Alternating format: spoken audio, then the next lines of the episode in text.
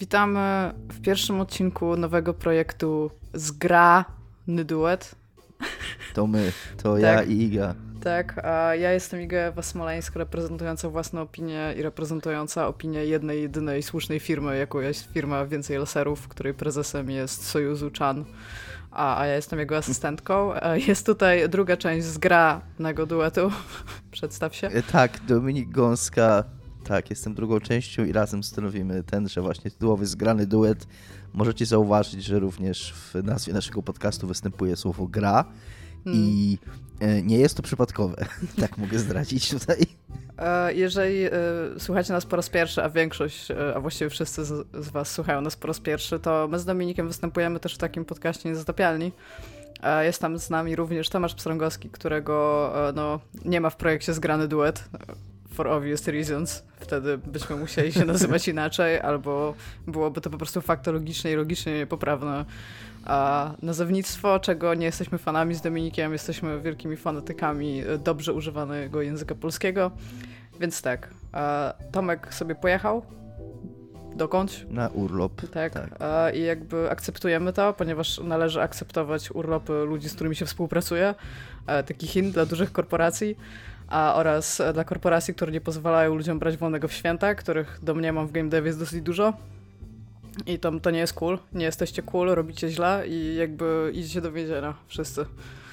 Tak. To będzie mój trzeci podcast. Idziecie do więzienia i po prostu będę siedzieć i będę wymieniać nazwiska ludzi z game devu, którzy powinni iść do Wars Jail. A tak, i tak. formułę mamy taką y, dosyć, y, mam nadzieję, że mniej chaotyczną niż poprzedni odcinek Niezatopialnych, jaki nagraliśmy. A natomiast mamy przygotowanych kilka pytań. E, Dominik ma pytania dla mnie, mam pytania dla Dominika. E, czy będziemy tak na nie odpowiadać, to zobaczymy. Mamy też e, sekcję, co jest grane, którą Dominik ze swojej strony trochę zajawiał w a nie, nie, nie. Chyba. Właśnie chyba nie, chyba to było po, w rozmowie po odcinku. Okay. Tak. A, natomiast Dominik będzie mówił o filmie, ja będę mówiła o grze, a właściwie o dwóch, bo jedną z nich Dominik powinien po dzisiaj po podcaście lub przynajmniej podczas tego podcastu ją kupić, znając Dominika. A, więc tak, więc taki mamy, taką mamy formułę. I może ja się od razu zapytam Dominiku, e, jako że ostatnio e, mało rozmawialiśmy o co jest grane, to co jest grane u Ciebie, Dominiku? E, Igo, już ci mówię, co jest grane u mnie, tylko jeszcze chciałem dodać od siebie dwa słowa do tego, co Iga powiedziała. Jako, że jest to pierwszy odcinek zupełnie nowego projektu, to żebyście wiedzieli, ci, którzy są nowi na pokładzie i którzy nie znają nas z innych projektów, kilku podcastowych, w których uczestniczymy, to ten odcinek, te pytania, które sobie przygotowaliśmy, są takie bardziej osobiste o, o nas, o naszych jakichś preferencjach, o naszych rzeczach, e, niż mm, jakieś takie krytyczne, ogólne mm, no, zobaczycie zresztą. No tak. Odcinek będzie o nas dość mocno w każdym razie, to chciałem, to chciałem zaznaczyć. E, a co jest grane? E, obejrzałem wczoraj film e, Nie patrz w górę, w górę, mhm. czyli Don't Look Up. Film o świniach. Jest to film Netflixa. Nie, nie jest film, nie, nie jest to film o świniach, nie. Bo fan jest jest taki, Netflixa. że świnie nie mogą patrzeć do góry, no i świnie nigdy nie widziały gwiazd. Chyba, że się tak. wywróciły w jakiś sposób na tyłek i wtedy widziały. Tak, tak. Jest to film w, w reżyserii Adama McKeya, który jest też autorem scenariusza. E, jest to reżyser znany chyba najbardziej z filmu Big Short, hmm. nagradzanego i, i, i jakby cenionego. E, jest to film w bardzo podobnym stylu, to znaczy jest to taka satyra i to jest to taka bardzo ostro ciosana satyra, taka grubymi nie wiem, czy tak można powiedzieć. E, ona nie mogłaby być czytelniejsza, ona nie mogłaby być bardziej in your face, gdyby kurna chciała. Okay. Jest to satyra na e, co, a przy okazji to, że ona jest tak bardzo in your face, że po prostu jakby kurna był wielki napis na ekranie, że to chodzi o katastrofę klimatyczną, to kurna nie mogłoby to być bardziej czytelne, ale z jakiegoś powodu Reżyser powinien siedzieć e, za tobą w kinie i mówić cały czas do ucha, że ty, ej, to jest o katastrofie klimatycznej, jak, jakby co, nie? tak. Yy, ale yy, jakkolwiek jest to według mnie jest to tak aż do przesady czytelne, wręcz, że być może trochę na subtelności by ten film zyskał, ale to za chwilę. To też widziałem, ludzie, na przykład widziałem taką opinię bardzo mądrego swoją drogą człowieka, tam nie będę już ujawniał kim on jest, ale, ale widziałem taką opinię, no bardzo ciekawy film i, i faktycznie tak daje do myślenia, można się zastanowić, czy faktycznie gdyby coś takiego było w, dziś, w dzisiejszych czasach, to ludzie by się tak zachowywali. Ja tutaj... A satyra polega Bo ja tutaj taki tylko shoutout zrobię dla e, recenzenta Unpacking E, w, tak. który, w, którym e, jest bardzo, naprawdę bardzo in your face pokazane, że w pewnym momencie bohaterka zamieszkuje z partnerką i to jest naprawdę bardzo pokazane, że to jest kobieta, z którą ona mieszka, a on stwierdził, że to jest partner i nie rozumie po co jej jest tyle staników nagle i tak okej. Okay. tak. Tam ży, żyje w tej niewinności, tam jest Sweet Summer Child po prostu. I, i ten pomysł na, to, na tą satyrę jest chyba najlepszą rzeczą tego filmu, bo to jest bardzo fajny koncept. A koncept jest taki, że jest to film pozornie na pierwszy rzut oka w rodzaju takich starych filmów katastroficznych w stylu Armageddon, e, Deep Impact, czy jak to tam po polsku się nazywało, e, że tam leci jakaś wielka kometa czy asteroida, tutaj jest to akurat kometa w stronę Ziemi. E, I tutaj, kiedy film się zaczyna, to dostajemy informację, że za pół roku ta kometa uderzy. Mm. Tylko, że w tym, w tym filmie reakcja świata na to jest zupełnie inna niż, niż, niż w tych typowych filmach katastroficzych. Czyli robi, dzieje się to wszystko, co się dzieje z katastrofą klimatyczną. No. Y, zaczyna się kwestionowanie, zaczyna się, że to w ogóle nie jest kometa, y, że tutaj naukowcy się mylą, oni mówią, nie mamy, że, że to w ogóle jest zupełnie co innego, albo że jej w ogóle nie ma.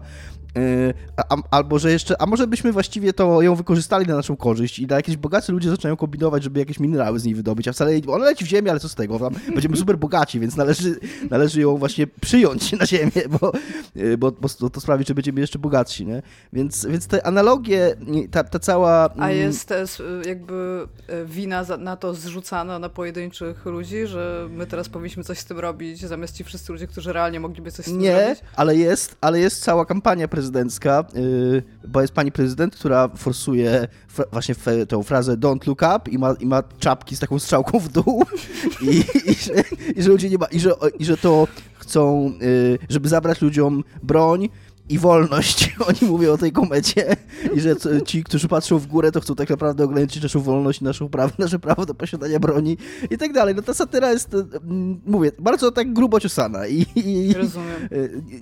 I, i, bardzo tam jest to, i to jest super koncept, jakby ten, ten premis, ten, ten zamysł tego filmu jest ekstra, tylko że e, on trwa ponad dwie godziny i, i poza, tym, poza tym konceptem tam niewiele więcej w nim jest, nie?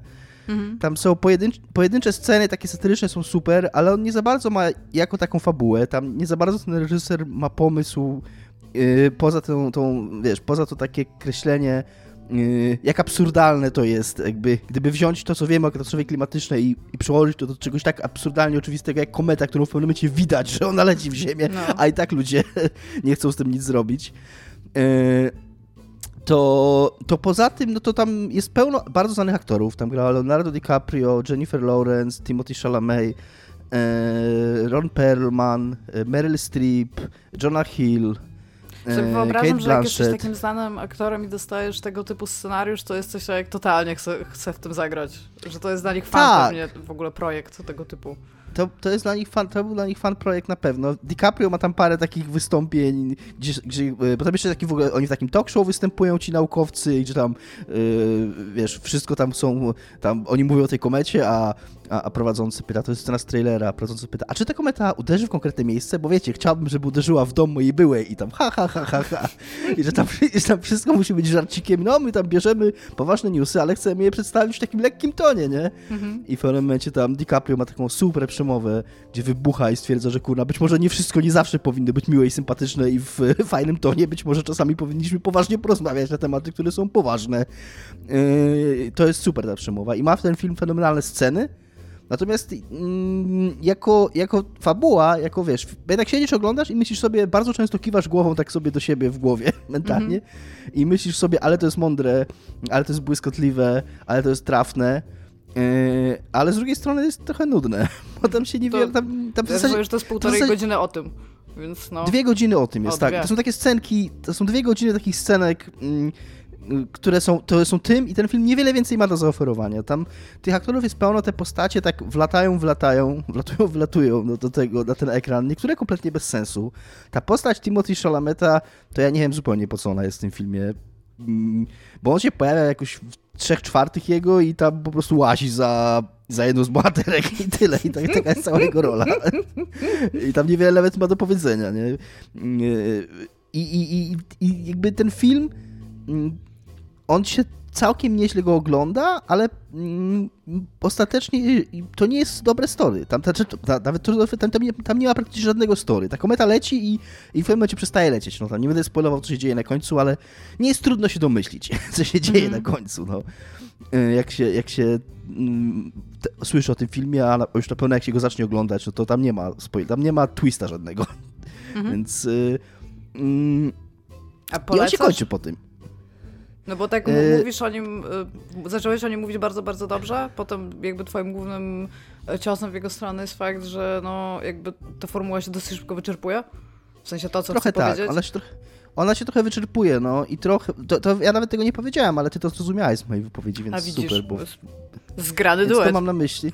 Zgrany duet faktycznie i nie wiem, czy go polecam. Ja, ja się dobrze bawiłem, I, nie żałuję, że go, że go, oglądałem, ale nie miałem. Ja bardzo się ekscytuję rzeczami i jak coś mi się spodoba, to zawsze mam takie, że piszę do ludzi, jakie to było super i że mają oglądać. Ten film mnie chłodnym pozostawił. Taki. Ja bym powiedział, że to jest takie 6 na 10 dla mnie w skali mhm. filmowej. Doceniam, co on robi i jest to sprytne i, ma nie, i dla niektórych scen warto go obejrzeć, ale jako całość to jest taki dosyć no, rozczarowujący. Taki.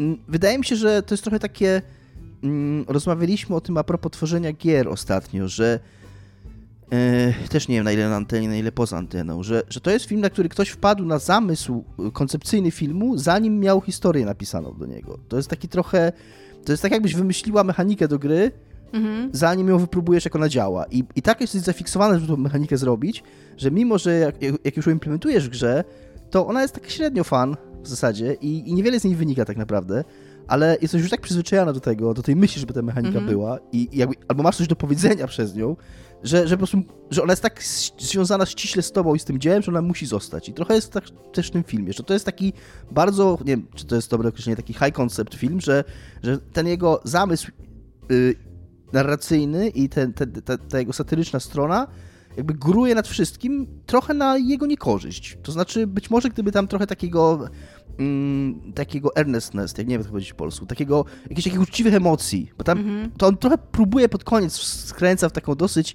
miałką stronę tego, że rodzina jest najważniejsza i miłość i, i wiara. To nie, nie jest coś, czego się e... spodziewałam, ale spoko. to jest tak na chwilkę na koniec, jakby, tak jakby właśnie trochę reżyser zdał sobie sprawę, że w zasadzie musi coś takiego wrzucić, ale to jest zupełnie, to zupełnie nie ląduje. A właśnie brakuje czegoś takiego, go się tak bardzo, o, go się tak bardzo z dystansu ogląda przez to. Tam ci bohaterowie jakby ani ty się nie, nie interesuje cię ich los, ani cię nie obchodzi, co się, mm, jakby nie kibicujesz jednemu bądź drugiemu. Widzisz, że jeden ma rację, a drugi nie, ale, ale tam brakuje jakiegoś takiego, nie wiem, human touch, jakiegoś takiego czegoś, co by, jakiejś takiej ludzkiej historii, która by cię wciągnęła w to, co się dzieje, a, a przez to, że jej nie ma tam w zasadzie, to się to ogląda jako takie Wiesz, bo tak w ogóle, jak ty zacząłeś mówić o tym, że to brzmi jak taki high concept czegoś, e, jakby co zostało wymyślone, a potem na to została wbita fabuła, to nawet nie, nie, nie musiało to być w jakikolwiek sposób wymyślane, bo to się po prostu dzieje dookoła, nie? Więc to, no jest, tak. to jest taki zbiór, z tego co ty mówisz, to to tak analitycznie, to jakby bierzesz wszystkie te rzeczy, które się dzieją dookoła i po prostu dajesz, dajesz je all the way trochę up to tak. 11, nie? Trochę I, tak, i to, to, jest taka, tyle, no. to, dokładnie, to jest, to jest taka trochę obserwacja na temat tego, że, mm, że, że, właśnie tak jak mówisz, no, że zobaczcie, co się dzieje w telewizorze i za oknem, nie? I mhm. masz tu przez dwie godziny właśnie takie podkręcone. No to jest, to jest dobra, dobre podsumowanie. A to może też być e, fajny, taki historyczny aspekt tych ostatnich, wiesz, 10 lat jakby ludzkości kiedyś.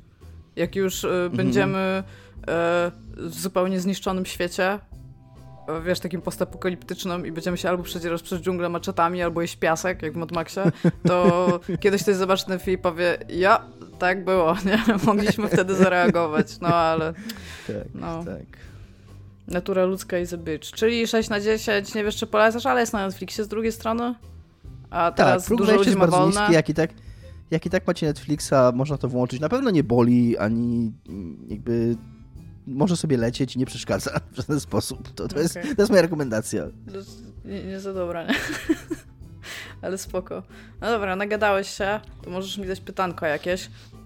Tak, ja, pytanko. ja na nie odpowiem. Będziemy sobie na zmianę chyba dawać, nie? Bo to bez tak, sensu, tak, tak. żeby... Je... No ale jakby ty teraz dużo mówiłeś, więc chciałam ci dać chwilę wytchnąć, Tak, tak, nie? tak. I mówiłem dużo o filmie akurat, więc mam pytanie filmowe. a mm, wiemy, że wielokrotnie z Twoich y, komentarzy w innych projektach, że nie jesteś największą fanką kinematografii. E, więc chciałem się spytać, i to żeby nie było za łatwo, bo łatwo jest powiedzieć jakiś taki film, wiesz, y, alternatywną jakąś tam historię, której nikt nie obchodzi, yy, która nikogo nie obchodzi, ale tam mhm. jest się igą i się ją kocha.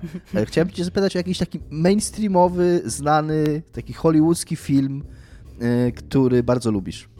Ja o tym bardzo, na samym początku jak to zobaczyłam, to byłam like o nie, nie ma takich filmów, po czym stwierdziłam, nie, czekaj, to jest bez sensu, bo wiesz, jak pomyślałam o tym hollywoodzki, to w ogóle pierwszy co to był Marvel.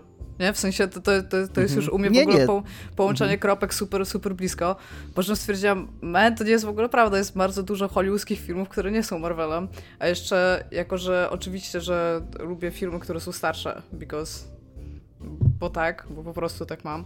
A więc wypisałam sobie kilka takich, które, które naprawdę bardzo lubię, aczkolwiek taki, który strasznie mi siadł i obejrzałam go chyba z, kurde, nie wiem, naście razy. Nie wiem, jak wow. wiele, jak, jak często oglądasz filmy naście razy, ale on już był w ogóle na tyle popularny w moim świecie i moim tam środowisku, że czasami po prostu siedzieliśmy, on gdzieś leciał w tle zawsze, po prostu jak do kogoś wpadałeś, to, to był po prostu włączony mm. i gadaliśmy coś, ale już każdy go tak znał na pamięć, że na przykład o, to jest dobra scena, nie? I wszyscy ten. I to jest Mad okay. Max Fury Road. To jest, okay. to jest no po tak. prostu tak bardzo Hollywood, ale to jest po prostu tak dobry film. Ja wiem, mm -hmm. że ja mhm. bardzo lubię Mad Maxa, ale to jest mhm. po prostu rewelacyjnie, kurde, dobry film. On ma super pacing, ma super sceny, tam w ogóle te całe akrobatyka, która się dzieje na tej pustyni, są, są wiesz, są szybkie samochody, strzelają się, e, dzieją się w ogóle rzeczy, są śmieszne dialogi, jakby to jest, to jest mega hollywoodzki film i krzyczy pieniędzmi. To nie ma, po prostu tak, tam, tam każda scena jest po prostu załatwiona pieniądzem. Oni mogli tak, zrobić całą scenografię z pieniędzmi. To jest w ogóle interesujący wybór, bo to jest z jednej strony bardzo hollywoodzki, taki bardzo blockbusterowy film, ale z drugiej strony on ma w sobie taką trochę nutę niezależnego kina. Tak, no bo jakby nie patrzeć, wiesz, to jakby on jest podsumowaniem tego, co Ziomek chciał osiągnąć. W ogóle Ziomek, dobrze, że... kto, wyreżyserował, kto wyreżyserował ten film? Miller jakiś? Miller. Tak, mam straszny, mam straszny brain fart. No w każdym razie przecież e, to George był film... Miller? To był film, który on zawsze chciał Czekaj. zrobić, ale nie miał na to pieniędzy, bo przecież stare Mad Maxy... George Miller, to, dobrze powiedziałem. Tak, stare Mad Maxy to są... E, to są bardzo niskobudżetowe filmy, nie? Jakby nie patrzeć z tego, co tam mogli w ogóle ogarnąć i to jeszcze w ogóle w jakiejś Australii, nie? Więc tam w momencie, kiedy nagle była, były pieniądze, to to nie jest tak, że ten film jest super różny od tych innych filmów, tylko że on jest po prostu taki już mam wszystkie środki do dyspozycji, zrobię ten film, który chciałem zrobić, nie? Więc on wyszedł z tego kina jakby alternatywnego, wciąż jakby no film, jakby kina akcji, nie? Ale no nie wiem, no jest, jest mega dobry ten film. Bardzo, bardzo go lubię. Mówię, znaście razy go widziałam, więc jeżeli miałabym w ogóle... I, i jest w miarę mm. nowy, w sensie nie jest to może jakaś świeżynka sprzed dwóch lat, ale nie jest też film z lat 90., bo oprócz tego mam... E, Aliena na przykład, no obviously. I to, co więcej, ja nawet lubię te nowe części Aliena. Po prostu lubię to uniwersum i tam, okej, okay, widzę czemu one są być może gorsze e, od, e, od tych pierwszych, Aczkolwiek mój ulubiony to jest drugi, druga część. Wiem, że wszyscy kochają pierwszą, bo to jest bardziej horror, ale druga część jest po prostu fucking amazing. I to też właśnie dlatego, że jest bardziej dokręcona w Hollywood. I ma scenę z, i ma scenę z wieżyczkami, tak? Nie no, ma po pierwsze, wiesz, ma e, maskę, wspomniał się ktoś kiedyś e, z mężczyzną? Nie, a ciebie? I tam i siedzisz tam jak po faksach, no to jest po prostu taki klasyk. Albo to jak oni... Ja powiem... No że, no skończ, skończ. No bo jak oni wchodzą, jest ta, jest ta scena, zawsze, zawsze później w kinie jest taki, o, to ma vibe Aliens, jak wchodzi grupa mocno wyszkolonych typów i po prostu ich rezają, nie? Po prostu na prawo i lewo. To, to wiesz, że to jest odniesienie do tej sceny, jak Marinsi tam wchodzą i jest to Wierzbałski i się tam drą, żeby, ten, żeby, żeby ktokolwiek stamtąd przeżył.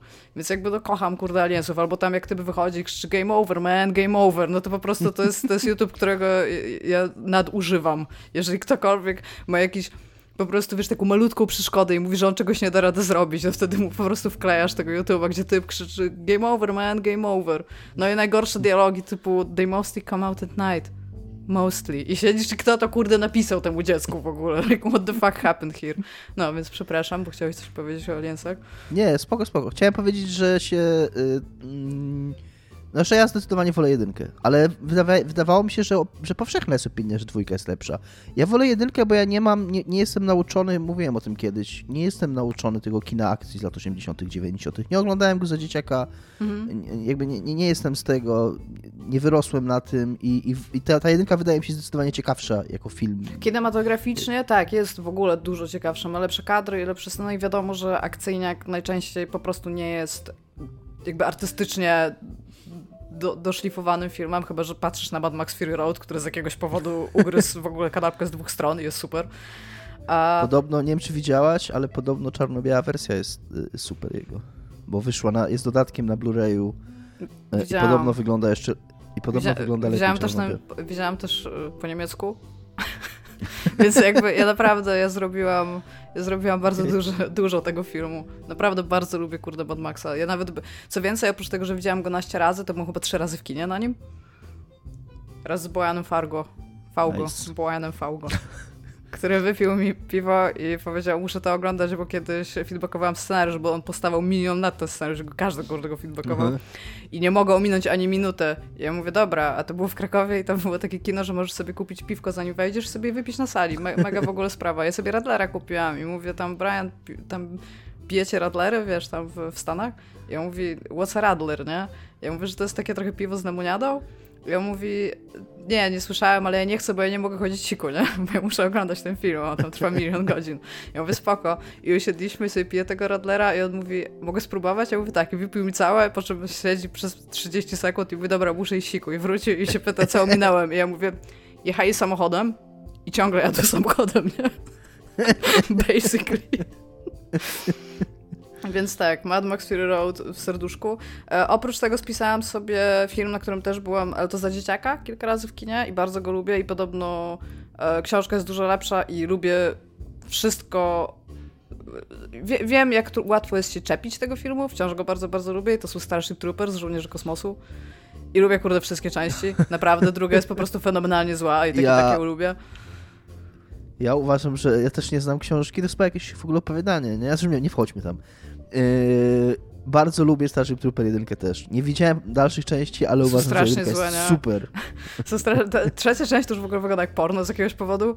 po prostu, bo to jest, to, to jest właśnie, to też to jest jeden z tych y, niskobudżetowych filmów, który po prostu wszedł na ekrany kin ale, był takim blockbusterem. Ale, wiesz ale co, kumasz, może, że oni tam może... mają rzeczy z Aliena, centralnie te kaski i Pulse Rifle, które, które po prostu wzięli z, ze, sceno, ze scenografii Aliena i tego tam re, reuzowali. Mi to się jakby. wydaje, właśnie mi się wydaje, że Starship Troopers 1 właśnie jakoś tak, mimo mojego braku uwielbienia dla, dla klasycznych filmów akcji, to on jakoś, on myśl, mi się wydaje, że on trochę przerasta swój własny gatunek. On jest mądrzejszy niż, y, niż myśli, że jest. Może tak, o. Znaczy, wiesz co, bo Albo to... ja już za dzieciaka na przykład bardzo szybko zakumałam, ja naprawdę byłam mała, kiedy w ogóle oglądałam ten, ten, ten film.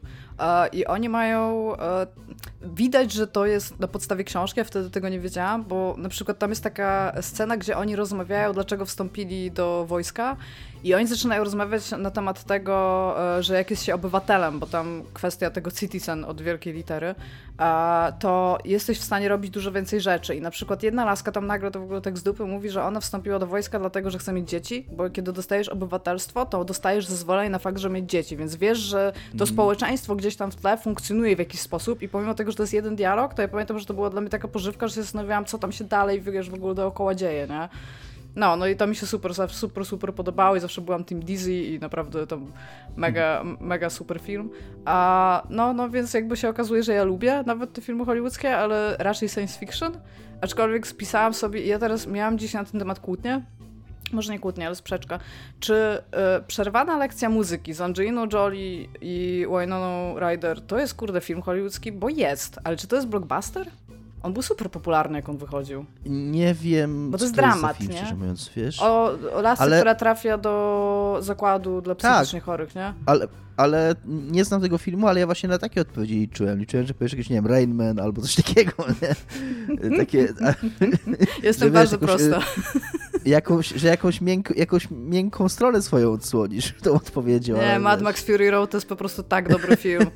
Nie, naprawdę, to jest kurde, to jest naprawdę, po, poza faktem, że ja bardzo lubię postapu i Mad Maxa, to jest po prostu tak, kurde, dopieprzony film, po prostu w, każdej, w każdym aspekcie, po prostu, nawet ta muzyka orkiestrowa tam robi, a jeszcze w ogóle tam jest przecież typ, który gra na gitarze, z której leci płomień, ja mi się wydaje, że jak oni to wymyślili, to sobie przybijali piątki przez 10 minut po prostu, nie?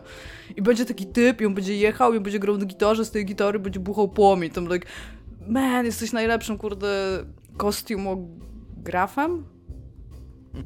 Człowiekiem od eee. kostiumów, ever, w ogóle tam let's do this, nie? Tam typi od propów siedzieli, tam amazing. No, więc tak, czy to odpowiada na twoje pytanie, czy zaliczasz tak, to najbardziej, tak? Jak najbardziej odpowiada to na moje pytanie, tak. Dobra, to ja mam do ciebie pytanie, drogi Dominiku, jako że e, nasi słuchacze, którzy po raz pierwszy słuchają tego wspaniałego projektu, być może nie wiedzą, ale my się znamy z branży dziennikarstwa growego z Dominikiem. I ja bym się chciała ciebie zapytać, bo e, co prawda nie pracowaliśmy super długo razem, no ale tam trochę popracowaliśmy. I wiem, że napisałeś bardzo dużo dobrych tekstów i ja mam mój ulubiony twój tekst. A powiedz mi, czy ty masz, jakby, jaki twoim zdaniem był najlepszy tekst, jaki w życiu napisałeś? Mm, bardzo dużo ludzi mówi mi, że to jest tekst o koniu. To jest tekst o koniu. I słyszałem to od, y, też od Pawła Olszewskiego, że z powodu tego tekstu mnie w ogóle zatrudnił w Poligami wtedy, jak, jak aplikowałem. Y, I, i, I ja trochę mam dosyć tego, znaczy po pierwsze ja nie mam do niego dostępu, więc nawet nie jestem w stanie zweryfikować, czy on był dobry. Ludzie mi mówią, że on dobry, ja uważałem, że on był dobry, jak go napisałem, ale już mam go trochę dosyć. Tak? I jakby z takiego powodu jakiegoś, nie wiem, no... Okej, okay, powiem ci, wytłumaczyć dlaczego. Znaczy, z pewnością był dobry tekst, bo, bo koniec końców to nie do mnie należy ocena. Mm, jakby ja mogę odpowiedzieć na to pytanie... Końców? Ja, ja mogę odpowiedzieć na to pytanie e, tak, jak ja uważam. Mhm. E, ten tekst, to jest tekst, który zdecydowanie najwięcej ludzi mi w moim życiu mówiło, że to jest dobry tekst, że mi się podobał. E, z tym, że to był taki tekst w rodzaju jak ja bardzo się kiedyś starałem, wciąż czasami mi się, mi się zdarza, to papugować Kierona Gillena e, i ten jego New Games Journalism. Mhm. E, czyli on, on, kiedyś taki dawno temu taki termin ukuł, e, takie no, nowe dziennikarstwo growe, które miało takie. On miał kilka zasad podstawowych i, i te zasady brzmiały, że a player is more important than the game, czyli gracz jest ważniejszy niż mhm. gra i write travel journalism from imaginary worlds czyli piszcie artykuły e, podróżnicze z nieistniejących, z wymyślonych światów. No, chodziło ogólnie e, też o mocne zaangażowanie twórcy, mówienie o emocjach, staranie się empatyzować tak, z tak, rzeczami, tak, które tak. dzieją się dookoła, zauważać rzeczy, tak. które nie są na pierwszy tak, rzut oka mniej, mniej pisać o technikaliach, mniej pisać o, o tym, co się yy, dzieje w, w, głowie twórcy i, i, co się obiektywnie dzieje w grze, a bardziej to, ty, o tym, co się dzieje w głowie gracza, kiedy, kiedy mhm. w tą grę gra. I i Skyrim był taką grą, której łatwo było coś takiego napisać, więc ja po prostu napisałem na podobnej zasadzie jak ten słynny tekst Kierona Bowniger. To jest e, bardzo dobry o, tekst. To jest bardzo dobry tekst i, i jakby nie, ja nie chcę absolutnie się porównywać, że tam dorastam w jakimkolwiek sensie, ale to w podobnym, mm, w podobnym tonie tekstu. Znaczy taka po prostu historyjka moja e, tego, co przeżyłem grając w Skyrima, która jakoś tam rzutuje na to, czym według mnie ta gra jest. I I fajnie, że ten tekst wyszedł i cieszę się, że on wyszedł, ale on mnie nie kosztował zbyt wiele wysiłku. więc, więc być może A dlatego. A ty, ty tak byś chciał nie... zapracować na sukces, tak? Tak, żebyś ja go czuł usiadłem, ten ja usiadłem pewnego dnia w... Tak, ja usiadłem pewnego dnia w WP na dupie i go napisałem. I zacząłem pisać, po czym skończyłem go pisać, przeczytałem, zredagowałem, wrzuciłem na stronę, nie? To, to był tam czwartek dla mnie, nie? I, I, czasami, i niestety to jest najgorsze w pracy yy, takiej kreatywnej. Wydaje mi się, że w każdej że, że robisz to samo, kurna, dziesiątki razy, miesiącami i latami i czasami ci wyjdzie i kurna nie masz ni cholery pojęcia, co takiego zrobiłaś tym razem inaczej niż zwykle. Że, że nagle ci wszyscy mówią, że to jest super, że wy, że ten. Bo to był jakby, bardzo empatyczny tekst, no jakby. Starasz się, starasz się tak, tylko że ja starałem się zawsze takie rzeczy robić i, i nigdy mi nie wychodzi. I jakby, a, jakby to, to nie jest jakieś, nie narzekam w ten sposób. Wydaje mi się, że każdy z nas wydaje mi się, ma takie myśli, nie? E, a więc tak, jasne, fajnie, że on wyszedł, a gdybym ja miał powiedzieć, to właśnie spojrzę z tej strony, e, nad czym się najbardziej napracowałem i te teksty tak mi jakoś najbardziej je pamiętam. Bardzo lubię swój podwójny wywiad z Joshem Sawyerem o Pilarsach na Poligamie. E, to była, po pierwsze dlatego, że to była kupa roboty, a po drugie, że to wszystko wyszło ode mnie. Ja to sam sam się odezwałem, sam zaplanowałem ten wywiad, e, gadaliśmy tam z dwie godziny, później to spisywałem, redagowałem, to było wiele, wiele godzin pracy i uważam, że ten wywiad wyszedł bardzo fajnie. E, I bardzo lubię też swoją recenzję Tormenta na, na Poligami również. Mi się rzadko zdarza pisać negatywne recenzje. Ja w ogóle, tak jak my rozmawiamy Negatywne często recenzje podcast... pisze się dużo łatwiej niż e, recenzje, gdzie coś chwalisz. Tak, e, tak, to prawda. E, ja rzadko piszę dosyć negatywne recenzje, bo ja dosyć rzadko biorę gry, mm, które mogą ci nie podejść. Które mogą mnie podejść, bo ja mhm. akurat nie, nie jestem w takiej pozycji, teraz już szczególnie, ale wydaje mi się, że zawsze mniej więcej w takiej byłem. Nigdy nie byłem takim zwykłym yy, tam dziobaczem tekstów w redakcji papierowej, która, który po prostu dostaje grę i musi w nią grać ją przejść, nie? Jak miałem dużo, dużo różnych obowiązków i recenzje to było zawsze takie coś przy okazji, co robiłem i po prostu miałem ten luksus, że mogłem wybrać, jaką grę będę recenzował, więc na ogół brałem takie gry, o których, których raczej byłem Yy, mniej lub bardziej pewien, że mi się spodobają. Jak mi się spodobają mniej, no to mi się spodobają mniej, ale nie, że będę jakoś tam je strasznie krytykował. A, a właśnie w przypadku tego Tormenta czasami tak się zdarza, że, że ta gra, która myślisz, że ci super podejdzie, jednak ci nie podejdzie yy, i, i wydaje mi się, że że się ładnie popastwiłem nad tą grą i że do dzisiaj wspominam te Pamiętasz, e, miałeś jeszcze jeden taki tekst w WP, który ja jakoś bardzo mocno zapamiętałam i to był tekst, który napisałeś w związku z tym, że jak wychodziło chyba piąty GTA, to oni cały czas podkreślali, jako on, to będzie duża mapa i pokazywali w skali, że ta, to będzie mapa taka, która w tej grze była taka duża, a to ta będzie trzy razy większa. I ty się kiedyś wnerwiłeś i napisałeś tekst o tym, że who gives a fuck praktycznie, że tam jaka by nie była ta mapa i co? I co, co z tego, że ta mapa będzie taka, nie? I tam porównywałeś jakieś mapy i miałeś w pewnym momencie taką infografikę, którą zrobiłeś, że skala tych map, tam jakieś gry, która była bardzo dobra i miała taką malutką mapę i tam, że GTA 5 jakie może być, wielkie, pamiętasz to? Że tak super się wynerwiłeś, że aż usiadłeś i napisałeś tekst? nie pamiętam tego kompletnie, ale to jest coś, pod czym się mogę podpisać teraz, znaczy... Teraz to już ludzie trochę o tym wiedzą, że szczególnie po teraz Cyberpunku na przykład. Wiedzą i, i, i te mapy są... Ja trochę nie rozumiem w ogóle. No tak, wtedy też nie rozumiałeś, to było, to było klucz tego tekstu. Trochę nie rozumiem, na przykład grałem ostatnio w tą grę Mm, w to Lake i tam miałem taką myśl, to bardzo krótko powiem, ja trochę nie rozumiem skali w grach. E, to znaczy, bo my robimy coraz większe mapy, nie? Mhm. Ale one coraz wciąż zachowują tą taką skalę kurde Luna Parku, nie? Że tam w Assassin's Creedzie masz kurna całą Grecję i jeszcze kilka wysp naokoło, ale przemieszasz się po tym z taką prędkością, jakby wielkość obiektów jest taka, że tam to wszystko się mieści na kwadracie wielkości 10 z 10 km, nie? Czyli no tam, no tak. nie wiem, no, dwie dzielnice Gdańska, no, czy coś takiego, nie? I to jest Grecja. I trochę zastanawiałem się, znaczy, ja ci powiem, Lake. Mhm. jak, jak masz na przykład takie gry, ja akurat bardzo lubię Deadly Premonition, ale jakby bardzo łatwo jest się dopierniczać do, do Deadly Premonition, bo po prostu to nie jest za dobrze zrobiona gra. I właśnie tam jest taki problem, że ta mapa ma taką jakby w cudzysłowie normalną skalę i tam normalnie musisz jeździć od budynku do budynku, jeszcze benzyna ci się może skończyć, wtedy musisz wysiąść z samochodu i po prostu iść. I jakby to nie jest za dobre doświadczenie growe, jakby ten luda parkowość jest ważna w grach, nie? W sensie, bo weź sobie pomyśl, jakbyś w Asasynie musiał dybać nie wiem, te realne kilometry, nie? I tam po prostu, no super. No, idę teraz do tego znacznika na mapie, dwie godziny później, nie? Trochę tak, a trochę właśnie jak grałem w to Lake, pewnie to masz rację, ja muszę zagrać Deadly Premonition w końcu, ale jak grałem w to Lake, to miałem taką myśl, że, że być może ta gra, może to jeżdżenie byłoby ciekawsze, gdyby ta mapa była w skali właśnie. Mhm. Mm, ale po tym, co ty powiedziałaś, pewnie gówno wiem i, pewnie byłoby jeszcze gorsze. Jeszcze bardziej by się nudził, po prostu faktycznie musiałbym jeszcze więcej popierdzielać pod naokoło no tego tak. jeziora. W sensie wtedy ta eee. podróż musiałaby być też znacząco, znacząca mechanicznie, nie? Bo na przykład w Deadly Premonition mm -hmm. to jest rozwiązane tak, że w momencie, kiedy nic się nie dzieje w cudzysłowie, w sensie nie ma dialogów ani nic takiego, to ten ziomeczek, którym grasz, zaczyna mówić i na przykład Pamiętasz, kiedy w latach 80. były wydania DVD? Pamiętasz, ile dodatkowego kontentu było do filmów? I on centralnie siedzi i napiernicza ci taki monolog. I ale co, mówi to do siebie, tak? Wow. To jest taki trochę twist tej gry. On tego nie mówi do siebie, ale jakby A, okay. Albo mówi to do siebie, jakby. No nie, nie wiem, jak okay. mam ci powiedzieć tutaj, co tam się dzieje, nie mówiąc ci o tym, co się dzieje, ale no tak, no jakby siedzi w samochodzie i gada sam do siebie. I co więcej, jak przerywasz, bo na przykład w coś wiedziesz i on wtedy mówi! I mówi, where, tam, now, where were we, nie? I dalej ci napiernicza o tych wydań dodatkowych. No ja wiem, mi też, mi też Patryk Fiałkowski zachwalał tą grę i że powinienem w nią zagrać. Ja jestem big fan, ale...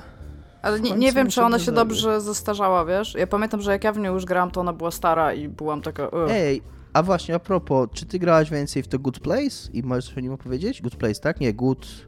Uh, no ja tam miałam, ja się tam softlockowałam. A Good Life. Ja się tam Good soft... Life, o. Ja się tam softlockowałam, nie mogę przejść tej gry. Jest no. miejsce, w którym muszę zrobić zdjęcie czegoś, ale mam pełną kartę SD i nie daje mi wrócić do domu, żeby usunąć rzeczy z aparatu i jakby to jest koniec. Kurde. Ja miałem śmiesznego buga w mm, Lake, że tam w pewnym momencie też masz taką mm, po, y, poboczną historię, że pomagasz pani, która ma otworzyć, y, y, jak to się nazywa? Salon fotograficzny. Znaczy ma prowadzić sklep spożywczy, a kaz kazali jej jeszcze dodać wywoływanie zdjęć, żeby mm -hmm. mieć tam ciemniej, żeby wywoływać zdjęcia klientom. No i ona tam, dostajesz aparat od niej, masz tam porobić parę zdjęć, no i tam masz 10 zdjęć zrobić, tam dowolnych. Mhm. I zrobiłeś to samo co w Firewatchu? Zdjęcia miejsca zbrodni? Zrobiłem 10 zdjęć, później oddajesz jej te zdjęcia i później dostajesz je wywołane i z powodu jakiegoś baga te wszystkie wywołane zdjęcia, ich było 10, były po prostu czarne. I ona tam...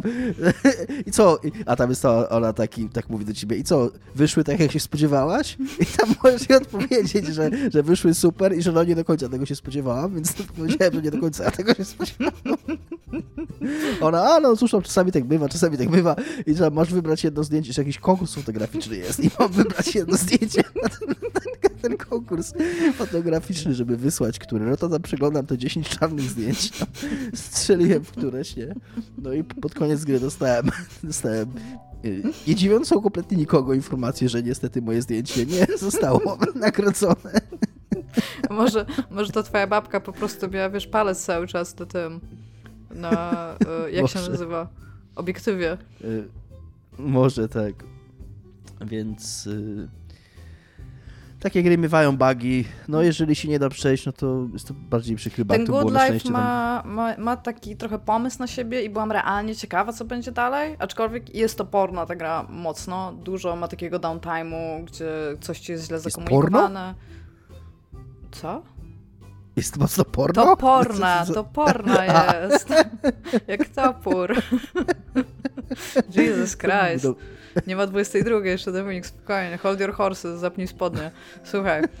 A w każdym razie ma, widać, że widać, że tam jest dużo serca w tej grze, widać, że jest super pomysł na nią jakoś ktoś miał i chciał tam, wiesz, coś tam ogarnąć z tym, ale no, jak, tak jak mówiłam wam, żeby jeszcze w nią nie grać, bo podobno ma softlocki i się po prostu na jeden head first po prostu wczepiłam, a nie, niestety ona ma tylko jeden save slot i niby masz jakieś wcześniejsze mhm. savey, z którymi możesz czytać, natomiast mój ostatni, który mogę odczytać już jest w momencie, kiedy gra nie pozwala ci odejść z niektórych miejsc i mówi wracaj na ścieżkę, więc już nie mogę mhm. wrócić do domu, żeby usunąć zdjęcia.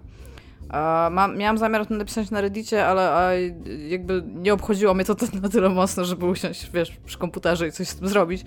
Więc jakby jak na razie olałam temat i czekam, aż to ktoś naprawi i wtedy sobie może pogram dalej. Bo akurat tam się intryga zaczęła robić i to było ciekawe. No, mhm. więc tak. Dziękuję za odpowiedź na pytanie o tekście. Yy, to teraz ja jeszcze jedno pytanie. E, ale ja nie wiem, czy ja będę. A, bo dobra, idziemy po kolei na razie. Bo ja nie wiem, czy my zdążymy wszystkie te pytania. Bo patrzę nie. Na to, no, ale możesz, możesz jakieś wybrać, który chcesz. To nie jest tak, że się obrażę, nie? Nie, ale to, to w zasadzie. To w zasadzie mnie to ciekawi. Będzie, będzie po prostu drugie. Nad jaką grą, y, którą bardzo lubisz jako odbiorca, mhm. y, w życiu byś nie chciała pracować jako twórca? I dlaczego? Bo to mnie też ciekawi. Ja super długo o tym myślałam i jakby myślałam o nowych grach, tak na zasadzie, nad którą z tych nowych gier, które tak lubię, nie chciałam pracować i, i doszłam do wniosku, że ja literalnie nie lubię tych gier, nad którymi pewnie się masakrycznie źle pracuje, bo na przykład bardzo nie lubię gier Ubisoftu, a myślę, że tam się fatalnie nad nimi pracuje, aczkolwiek pracujesz w sumie trochę na schemacie, co też jakby ogranicza twoją kreatywność, jakby... Więc to nie jest to odpowiedź, ale mam, znalazłam odpowiedź w troszeczkę dalszych czasach i to jest StarCraft. Okay. Bo nie dość, że to jest Blizzard, ja nigdy nie lubiłam Blizzardu, myślę, że wtedy tam było troszeczkę lepiej, jakby tak zakładam. Ale wiesz dlaczego? Bo o tym strasznie dużo myślałam. To musiało być najgorsze projektowanie gry na świecie. Oni mieli zrobić grę, która miała być esportem, to było jedno z założeń, więc to już ten. I teraz pomyśl, jak okropnie musiało się to projektować, gdzie musiałeś siedzieć i nerfić jednostki, buffować jednostki, zliczać, wiesz, yy, sekundy, zliczać yy, tam damage i to po prostu jest taka praca na numerkach, taki Excel the game i potem trzeba to było testować i ktoś ci mówił, że ta jednostka jest może trochę za mocna, a ktoś ci mówił, że totalnie nie jest za mocna, bo wiem, że tak, tak wyglądają testy. Więc ty musiałeś siedzieć i robić 700 wersji alternatywnych każdej jednostek, potem musiałeś wymyślać nowe, potem przecież robili dodatek, gdzie wprowadzili nowe jednostki. I istnieje gigantyczny powód, dla którego nikt już potem nie powtórzył jakby sukcesu StarCrafta, bo to jest masakra zrobić taką grę, po prostu. Plus najprawdopodobniej nie macie w napisach końcowych, bo Blizzard nigdy nie lubił całego teamu w napisach końcowych tam rozpisywać. I jakby mam wrażenie, że całość tego to musiał być straszny clusterfuck. Nawet po tym, kiedy ta gra osiągnęła sukces, to nie sądzę, że ten sukces był na tyle satysfakcjonujący, żeby w jakikolwiek sposób jakby uargumentować tym ludziom, że spędzili N lat po prostu na robieniu StarCrafta, nie?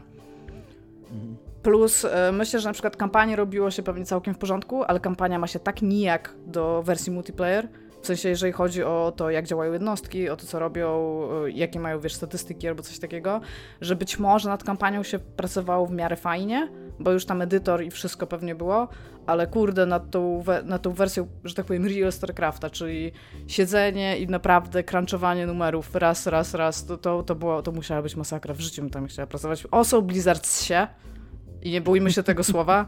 Blizzard to jest najgorsza firma. Tak Blizzard to jest w ogóle najgorsza firma na świecie i ich pracownicy na bank nie mają urlopu i pewnie są w tym samym czasie molestowani, zwalniani naraz w jakiś sposób. Jakby tak.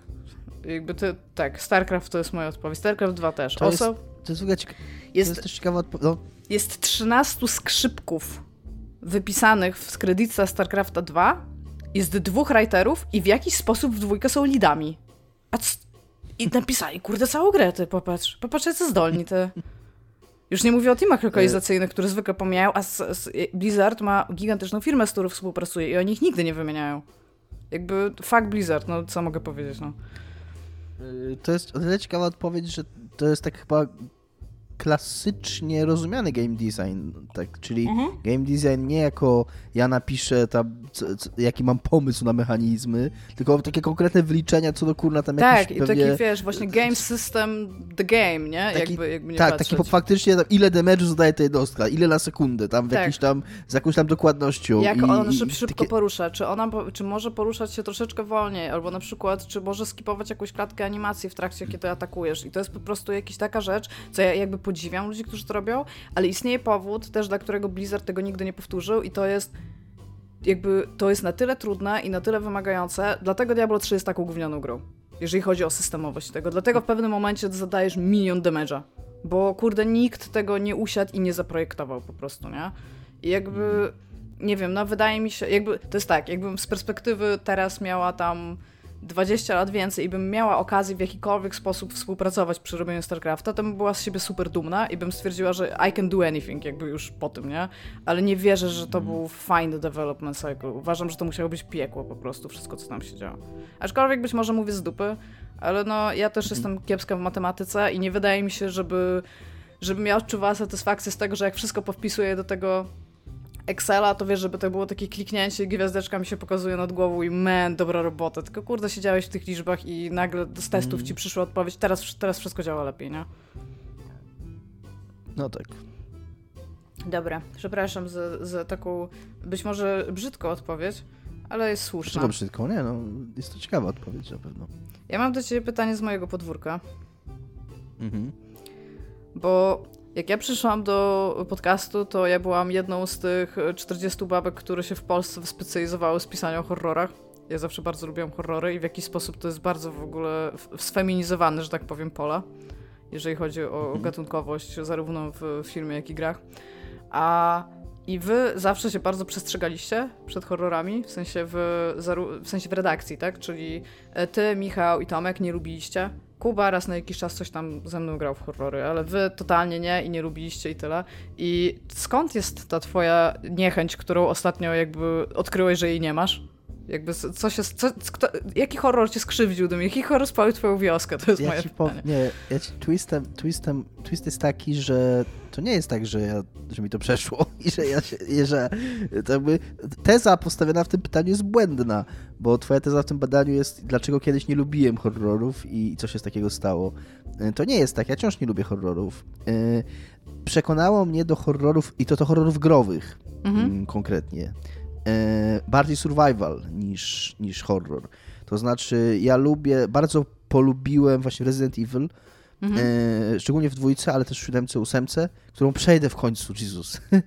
E, ten taki element zarządzania ekwipunkiem, e, liczenia nabojów, dbania, to jest bardziej w siódemce i dwójce. W ósemce już jest takie dużo jakby... Ósemka to, to jest e, knife the game, jak dla mnie. Ja tam w ogóle bossów zabijam nożem, ale, no. Ale taki, ten taki element właśnie survivalu i to, i to też nie, jak słuchacie innych naszych projektów, to wiecie, że takim gateway dragiem było dla mnie Metro Exodus, po którym właśnie ta taka, to takie e, e, chodzenie po otoczeniu i szukanie pojedynczych pocisków i, i liczenie ich i, i, i skradanie Szczególnie, się. że w metro uciekanie. są też walutą, nie? Pociski. To jest, to jest super rozwiązanie w ogóle designerskie. Więc tak, więc, yy, więc tam jakoś to zażarło i spodobało mi się później w innych grach i stwierdziłem też, że jumpscary na przykład, których kiedyś nie lubiłem, że są ok dla mnie już teraz, na tym etapie. Nie jest to dla mnie problemem, a czasami to są fajne emocje. To jest takie to, to uwolnienie i ten taki, i ta, taki, ta cała chemia, jak ty zawsze mówisz, która później, to, to, jest, to jest przyjemne. Mhm. Jakby autentycznie, autentycznie jumpscary w tej chwili potrafią być dla mnie przyjemne, jakkolwiek absurdalnie by to dla mnie brzmiało, więc tutaj mi się coś zmieniło faktycznie. Natomiast mm, bardzo nie lubię czegoś, co jest i ciągle nie lubię i przez to na przykład nie będę raczej oglądał filmowych horrorów klasycznych, E, I, i też nie, nie wejdę jakoś mocno w gatunek gier, e, a, bo wiem też od ciebie, że to jest mm, też taki nieodłączny element horroru, czyli cała ta obrzydliwość, cały ten taki, nie wiem, abiekt, ty to mówisz, tak? Tak. Stręt, właśnie. Te takie, te takie elementy właśnie jakichś e, jakichś odrażających, nie wiem, jakiś body horror na przykład, tego mm -hmm. kompletnie nie lubię i wątpię, że mi się zmieniło.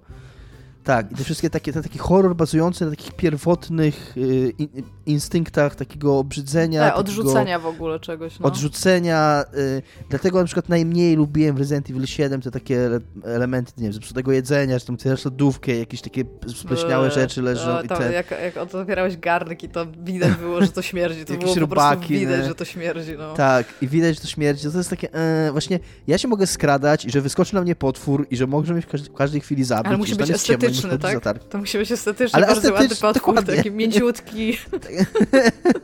żeby ładnie pachniał i dobrze wyglądał, rozumiem, no. Lady Dimitrescu no, była być... pretty fucking okay pewnie, co? Była pretty okay. Może być neutralny. Na przykład te zombiaki z Resident Evil 7, takie nijakie te, jest zupełnie okej. Okay. Yy, czasami może być ten y, płód z Resident Evil 8, on był super, ale bo on był y, takim jednorazową, jednorazową zagrywką i ona się super wpasowywała w ten level, w którym mm. on był, że tam pewnie jeszcze dajmy ku nałażący wielki płód tam. I, y, i to, to było fajne, ale, ale, ale właśnie mówię, ten cały element takiego mm, epatowania jakimiś takimi obrzydlistwami to jest coś, co, no, w czym nie znajduję niestety żadnej radości i, i, i dlatego wciąż niestety nie jestem po twojej stronie. No, tak Rozumiem. E, Iga, to tak sobie pogadaliśmy. E, ja sobie pogadałem, ty sobie pogadałaś o pytankach, do których jeszcze wrócimy. E, a teraz chciałem się ciebie zapytać, co jest grane? E, udało... Posłyszałem, że to jest taki popularny segment w innych projektach tak. naszych. I... Więc możemy go kraść również pomiędzy innymi projektami. E, przeszłam Inscription, Dominik, i jakby ty musisz pograć w tą grę. Bo nie dość, że to jest karcianka, to jest więcej karcianki w karciance. Jakby to, to, jest po prostu jakieś fenomenalne coś, co tam zrobił. No i oczywiście, że jest meta. Jest meta, to idzie w ogóle w takie miejsce, że ty siedzisz i like, jakby, okej, okay, to, to nie jest jakiś strasznie groundbreaking albo jakieś takie... Mm, jakiś taki komentarz, z którym wiesz, będę, będę siedzieć i o tym myśleć, ale jest naprawdę fan i jakby nie, nie spodziewasz się tych rzeczy, które po prostu idą jedna po drugiej i no, po prostu tam jest coraz więcej karcianki No naprawdę, no to, to po prostu jest, jest, coraz, jest coraz więcej rzeczy kumasz, coraz więcej rzeczy e, jakby masz coraz więcej mechanik, ale one są takie wszystkie logiczne i to po prostu tak fajnie zażera. I nie wiem, no naprawdę, po prostu jeżeli jest jakaś gra, którą bym ci poleciła przez ostatnie 3 lata i wiem, że ci się spodoba, to ci bardzo polecam Kurde. Inscription. Chyba po tym odcinku się złamie, po tym nagraniu i jakieś jeszcze promka na Epiku. Wydaje mi się, że jest, bo to jest chyba do końca roku ta promka, w sensie ten taki kuponik. A, I to jest e, raz, natomiast e, będąc zawsze z młodzieżą i mając właśnie ostatnio taki lookout na Epic i jak dają darmowe gierki, aczkolwiek ta, którą dali chyba tam wczoraj, to była takie coś, że ja nawet nie wiem, co to jest i tam spoko, że to mhm. jest. A, ale dali jakiś czas temu Loop Hero i mnie ominęła cała ta faza, co wszyscy grali w demo tam po 200 godzin po prostu, żeby zobaczyć, co chodzi. A i jakby wszyscy mi polecali Loop Hero, Wszy miała super recenzję, ale byłam cały czas taka, a, sceptyczna. No i daj to za darmo.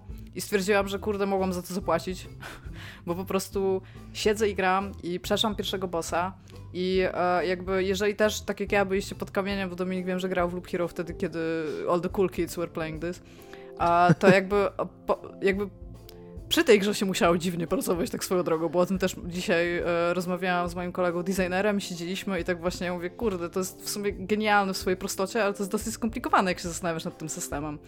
A ogólnie jakby e, przyczynek fabularny do rozpoczęcia tej gry jest taki, że świat zniknął, wszystko zniknęło e, i ludzie zapomnieli. Jest e, jakby główny bohater, taki tam, e, w pierwszym chapterze jest taki rycerzyk, którym się chodzi, a, i on stwierdza, że on odbuduje ten świat. I on odbudowuje ten świat jakby po kolei, jakby kawalątek po kawalątku. Kwadracik po kwadraciku tak naprawdę.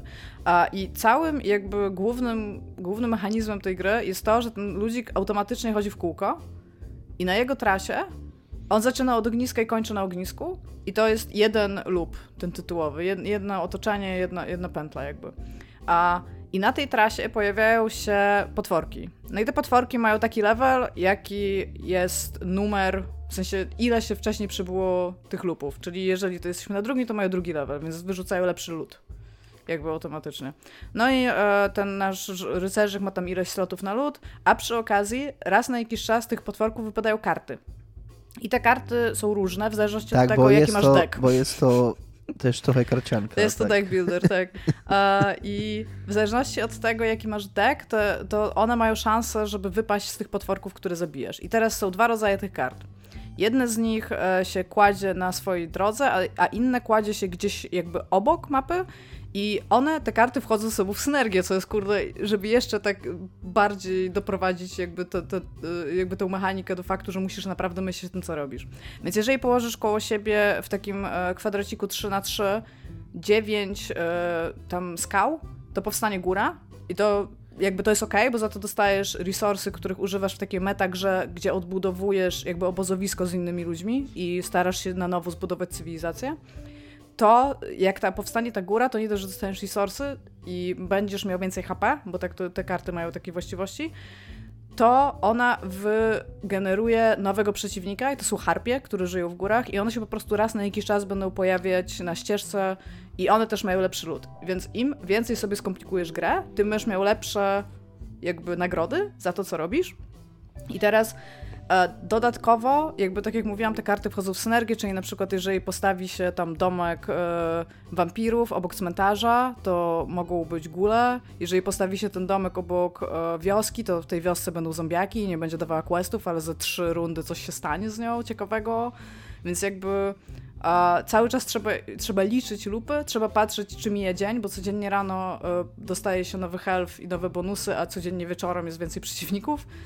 A, no, no i jakby większość z tych innych rzeczy, które się dzieją, czyli jak się po, potem można levelować tego ludzika i on dostaje jakieś traity co, co level jakby. I im więcej kart się wykorzystuje, tym bardziej buduje się, mm, znaczy zapełnia się taki pasek, że przyjdzie boss. Boss spełnuje się zawsze w miejscu ogniska, czyli na samym początku lupa. A, I po prostu im więcej kart się wyłoży lub użyje, bo niektóre z nich to są eventy i one po prostu nie zostają na mapie, one na przykład coś usuwają z niej, a tym jakby bliżej jest boss. Więc trzeba to wyliczyć po prostu tak, żeby mieć na tyle dobry build na końcu tego lupa, żeby podejść do bossa i go zabić. tych bossów jest chyba czterech i ka na każdy z nich jest nowy chapter i nowy ludzik, którego można używać. Mi się jak na razie udało zabić pierwszego, tego licza, który, któremu naszemu bohaterowi się wydawało, że to on jakby zniszczył ten wszechświat, natomiast w dialogu okazuje się, że nie. Oso, to jest w ogóle fenomenalne, bo ta gra ma cztery style graficzne. Ma taki bardzo prosty styl graficzny, ma styl graficzny visual novelek, ma JRPG-owy styl graficzny podczas walk, które są automatyczne, plus ma taki stary interfejsowy jakby z ery, że tam 8 bit, jeżeli chodzi o inwentory i wszystkie inne rzeczy, a dialogi to w ogóle pisał chyba ktoś, nie wiem, ej stary, pisałeś kiedyś dialogi do gry? Tak, to chodź napiszesz jakieś, nie? Po prostu one się tak nie...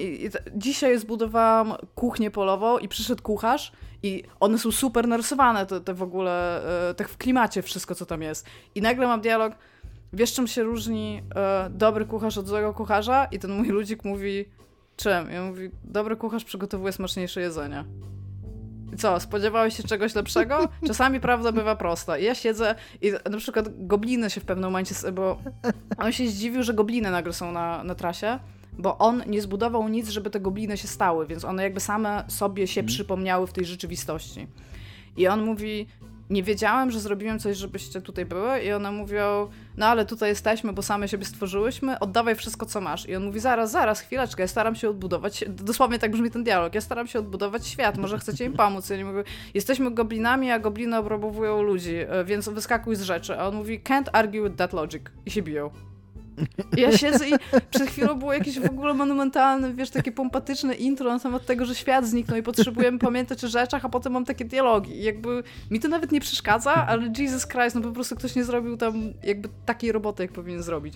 No ale no wciąż gra się super i ta gra niestety jest przez to, że ona oddziałuje na tych takich mega... Mm, klasycznych y, jakby emocjach, które lubi nasz mózg, czyli robisz jakąś czynność i numerki idą do góry, i czegokolwiek nie zrobisz, bo nawet jak przegrasz rana, to, to trochę tych resursów ze sobą zabierasz do tej metagry, do obozu, żeby móc coś robić, co ci automatycznie tak, ulepsza jeszcze, kolejny ran. Tak, bo tam jeszcze, nie wiem, czy, nie wiem, czy powiedziałaś, ale bo tam jest jeszcze cała ta warstwa właśnie rozbudowywania. No jest mówię, że jest taka meta, meta gra, nie? która ma wpływ na jakby tak. twoje kolejne ekspedycje, bo to się nazywa ekspedycja, jak jesteś na jest tym tam, Jest tam, to jest, jest, ja pamiętam dawno, dawno temu yy, i cały czas mi sobie przypominam o tym, o tym yy, porównaniu, Jaci recenzował y, Peggle, Peggle czy Pebble? Taka gra tak, od Electronic Arts, co taka kulka leciała w dół i odbijała się od rzeczy. Chyba Peggle. Peggle, no też mi się tak y. wydaje. Która była szalenie popularna kiedyś. Peggle, tak. Szalenie popularna w takich jeszcze proto czasach gier mobilnych i prostych gier flashowych. I, I on właśnie mówił coś takiego, że, że, że to jest gra, która. I, I też Angry Birds było trochę taką grą Gra, która yy, ma powierzchownie sprawiać wrażenie, że bardzo dużo zależy w niej od gracza i jego decyzji, a w istocie zależy bardzo, bardzo mało. Mm. I, I tak naprawdę po prostu latają cyferki, kolorowe światełka się świecą, tak, tak, tak. To wszystko jest, wygląda ładnie. To jest Las Vegas style i właśnie Loop Hero ma tak. taki, taki thing, że tam większość rzeczy polega na random, po prostu to jest random numbers generator the game. Bo to w jaki ci lód wyskoczy z ziomeczka, to od ciebie w ogóle nie zależy, tak? A, I tam masz bardzo dużo jakby takich rzeczy, o których ty musisz myśleć przez cały czas, ale jednak większość tych rzeczy dzieje się automatycznie i ty po prostu jesteś w stanie Dokładnie. właśnie popchnąć to domino i patrzeć jak ono spada, raz na jakiś czas wyrzuci coś, y, co spowoduje, ja że na przykład miałem... szybciej będzie spadało to domino, nie? Ja miałem takie wrażenie, miałem także opowiadać kiedyś, tam chaos, opowiem, ale bardzo krótko teraz, bo to, mhm. żeby nie przedłużać, co jest grane. E, jakiś czas temu weszła taka Ring of Pain do Game Passa. Tak, było. Taki rogue, roguelite taki trochę antykarcianką ją go nazwałem wtedy i zaczynałem w nią grać. Mówię, że zaczynam dopiero w nią grać, powiem więcej w przyszłości i nigdy nie powiedziałem więcej. E, I, I mam trochę problem z tą grą, taki sam jak miałem z Loop Hero, bo ja się Loop Hero dość szybko znudziłem. E, mniej więcej na tym etapie co ty, może trochę później. Mm, bo też pamiętam, że pierwszego bossa pokonałem, ale już do drugiego nie doszedłem nawet. Mhm. E, I, i, I też jest to doświadczenie, które ktoś ostatnio wrzucał w nas na grupę dosyć dużo ludzi miało z tą grą. Ona dosyć taki miała wysoki, wysoki odsetek ludzi zostawiających ją. E, I to, sam, I to samo miałem właśnie w tym Ring of Pain, że na początku się super wciągnąłem, a potem po pewnym czasie, czasie zdałem sobie sprawę, że okej, okay, tam jest, tak jak ty mówisz o tym lub Hero, tam jest dużo rzeczy, o których ja muszę myśleć i na które ja muszę zwracać uwagę, jak w to gram, co mm, tworzy wrażenie, że sukces bądź porażka yy, zależy ode mnie, ale koniec końców tak naprawdę to to jest kuna slot machine koniec końców o tym, jasne, to jest ważne, co mhm. ja zrobię i mogę spieprzyć, ale koniec końców, jeżeli się nie wylosuje odpowiedni zestaw rzeczy, to nie mam tak. szans wygrać. No ja teraz Choćbym nie wiem, co zrobić. Ten ostatni run, który miałam właśnie, bo jakby skończyłam dzisiaj zaraz po tym bosie, pierwszym, a potem nie grałam jakby dalej, bo możesz dalej zasuwać po tym kółku, ale stwierdziłam, nie, już jakby starczy mi, a to miałam taki ran, że w ogóle do chyba tam szóstego lupa, e, a jeszcze grałam z ziomeczkiem, jakby ja streamowałam i on sobie oglądał i sobie gadaliśmy po prostu w międzyczasie. Ja mówię, stary, ja w ogóle tego nie jestem w stanie nic tutaj ugrać, dlatego, że mi po prostu nie wypadały prawie żadne karty. Więc ja nie, nie miałam jak odpicować ziomeczka, za to wypadało mi bardzo dużo lutu na niższym poziomie niż wszystko inne i jakby co, co ja mam teraz zrobić? I nagle po prostu, tak nagle, tam z, z, jakiegoś jednego lupa na drugi zaczęły mi wypadać dobre karty, nie? Więc sobie mogłam to odbić. Ale miałam wrażenie, że jakby ja nic nie robię źle, bo to była prawda, no bo jakby ja tam nic nie robię, ten ludzik sobie mhm. po prostu chodzi, ja tylko przeglądam staty i zdecyduję, jak on teraz pójdzie ubrany w co i wiesz, y, ile będzie miał HP, bo jak się położy łąką obok łąki albo kamień kamienia, to będzie miał więcej HP, no bo tak. No, no i tak sobie siedzę i stwierdziłam jakby, że Loop Hero ma... Yy, taki trochę sweet spot pomiędzy grami idle mhm. a, tak. a grami e, właśnie takimi karciankowymi trochę. Tylko, że byłoby super, jeżeli byłby jakiś tryb, gdzie robisz go bardziej idle, bo ja bym go wtedy po prostu miała włączonego non-stop w tle, abym sobie coś robiła i raz na jakiś czas bym wracała, zobaczcie, co tam ziomeczek tam sobie robi, nie?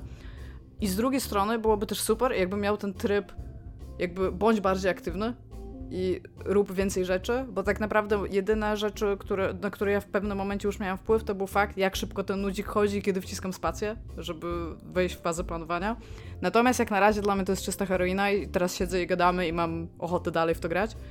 I wiem, że pewnie przejdę tę grę, bo no niestety jestem bardzo łasa na te, wiesz, y, numerki, które tam wchodzą. Tak samo jak nie wiem, no, przechodziłam Slay the Spire do czasu, aż nie miałam tak OP builda, żeby wiesz, że tam o Jezu, ale ja po prostu ich teraz zmiotę, bo to, bo to jest satysfakcjonujące. To nie jest tak, że to nie jest satysfakcjonujące, jest, jak ci się wszystko tak wylosuje i po prostu tak. idziesz, kurde, I właśnie myślałem, właśnie gra, i grając i mówiąc teraz o tym Ring of Pain i o tym Loop Hero, też myślałem trochę o Slay the Spire, bo Slay the Spire też jest pod tym względem, taka, ma takie dosyć duże swingi ta gra, taka, mhm. no ona tak się buja. Tak, nie? w sensie, nie tam bardzo dużo zależy. niektórych rzeczy ugrać po prostu z tym, co tak. masz na ręku. Po prostu ale, wiesz, ale tak. jest na tyle, ale jest na tyle dużo tych, y, tych yy, kombinacji i tych y, efektów kart i tych synergii, że nawet jak ci nie idzie, to jesteś w stanie coś nowego wymyślić, jesteś w stanie coś nowego wykombinować, coś, coś tam złożyć, więc nawet jak nie dojdziesz dalej, to tam jest z tego, jest w tym jakaś gra i, i to moim zdaniem odróżnia trochę Slay the Spire. Moim zdaniem Slay the Spire to jest w ogóle fenomenalnie zaprojektowana gra. Chociaż fundamentalnie być może nie jest wcale tak odległa od tego, co, co mówiłem. Koniec końców, jeżeli patrzeć mhm. na grę jakby na cel gry wygranie gry. To tak, jasne, wygranie w Slay Spire też w dużym stopniu wciąż zależy od, e, od no ale... Dobra, ale to też jest w jakiś sposób często jakby plus, nie? Że, że gra jest troszeczkę y, jakby nieprzewidywalna i no, po to są te wszystkie generowane tak. rzeczy w ogóle w grach.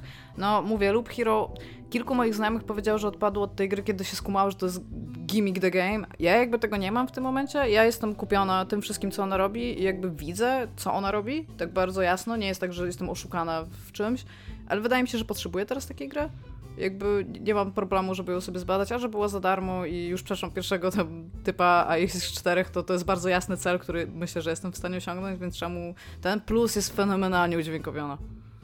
Naprawdę ten taki low beat, w ogóle ta muzyczka, która tam leci i te dźwięki, jak oni się biją i jest taki jeden dźwięk, jakby ty po prostu z płaskiej dostał. O Jezu, jakie to jest śmieszne dla mnie za każdym razem, jak ten dźwięk się losuje, jak mój ludzik coś robi.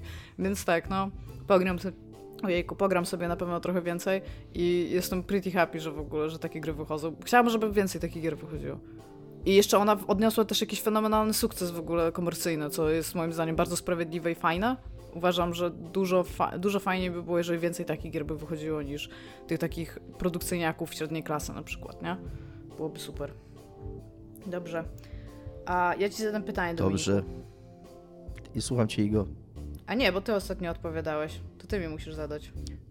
Ale mogę tak, ci zadać szybkie pytanie. Jaka jest najostrzejsza rzecz, jaką kiedykolwiek jadłeś? Bo do, ja to e... wiem prywatnie, bo jesteśmy bardzo zgranym duetem. Dominik lubi ostre jedzenie, ale takie jedzenie, które oprócz tego, że jest ostre, to jeszcze ostro smakuje, bo to jest rozróżnienie pomiędzy tymi dwoma.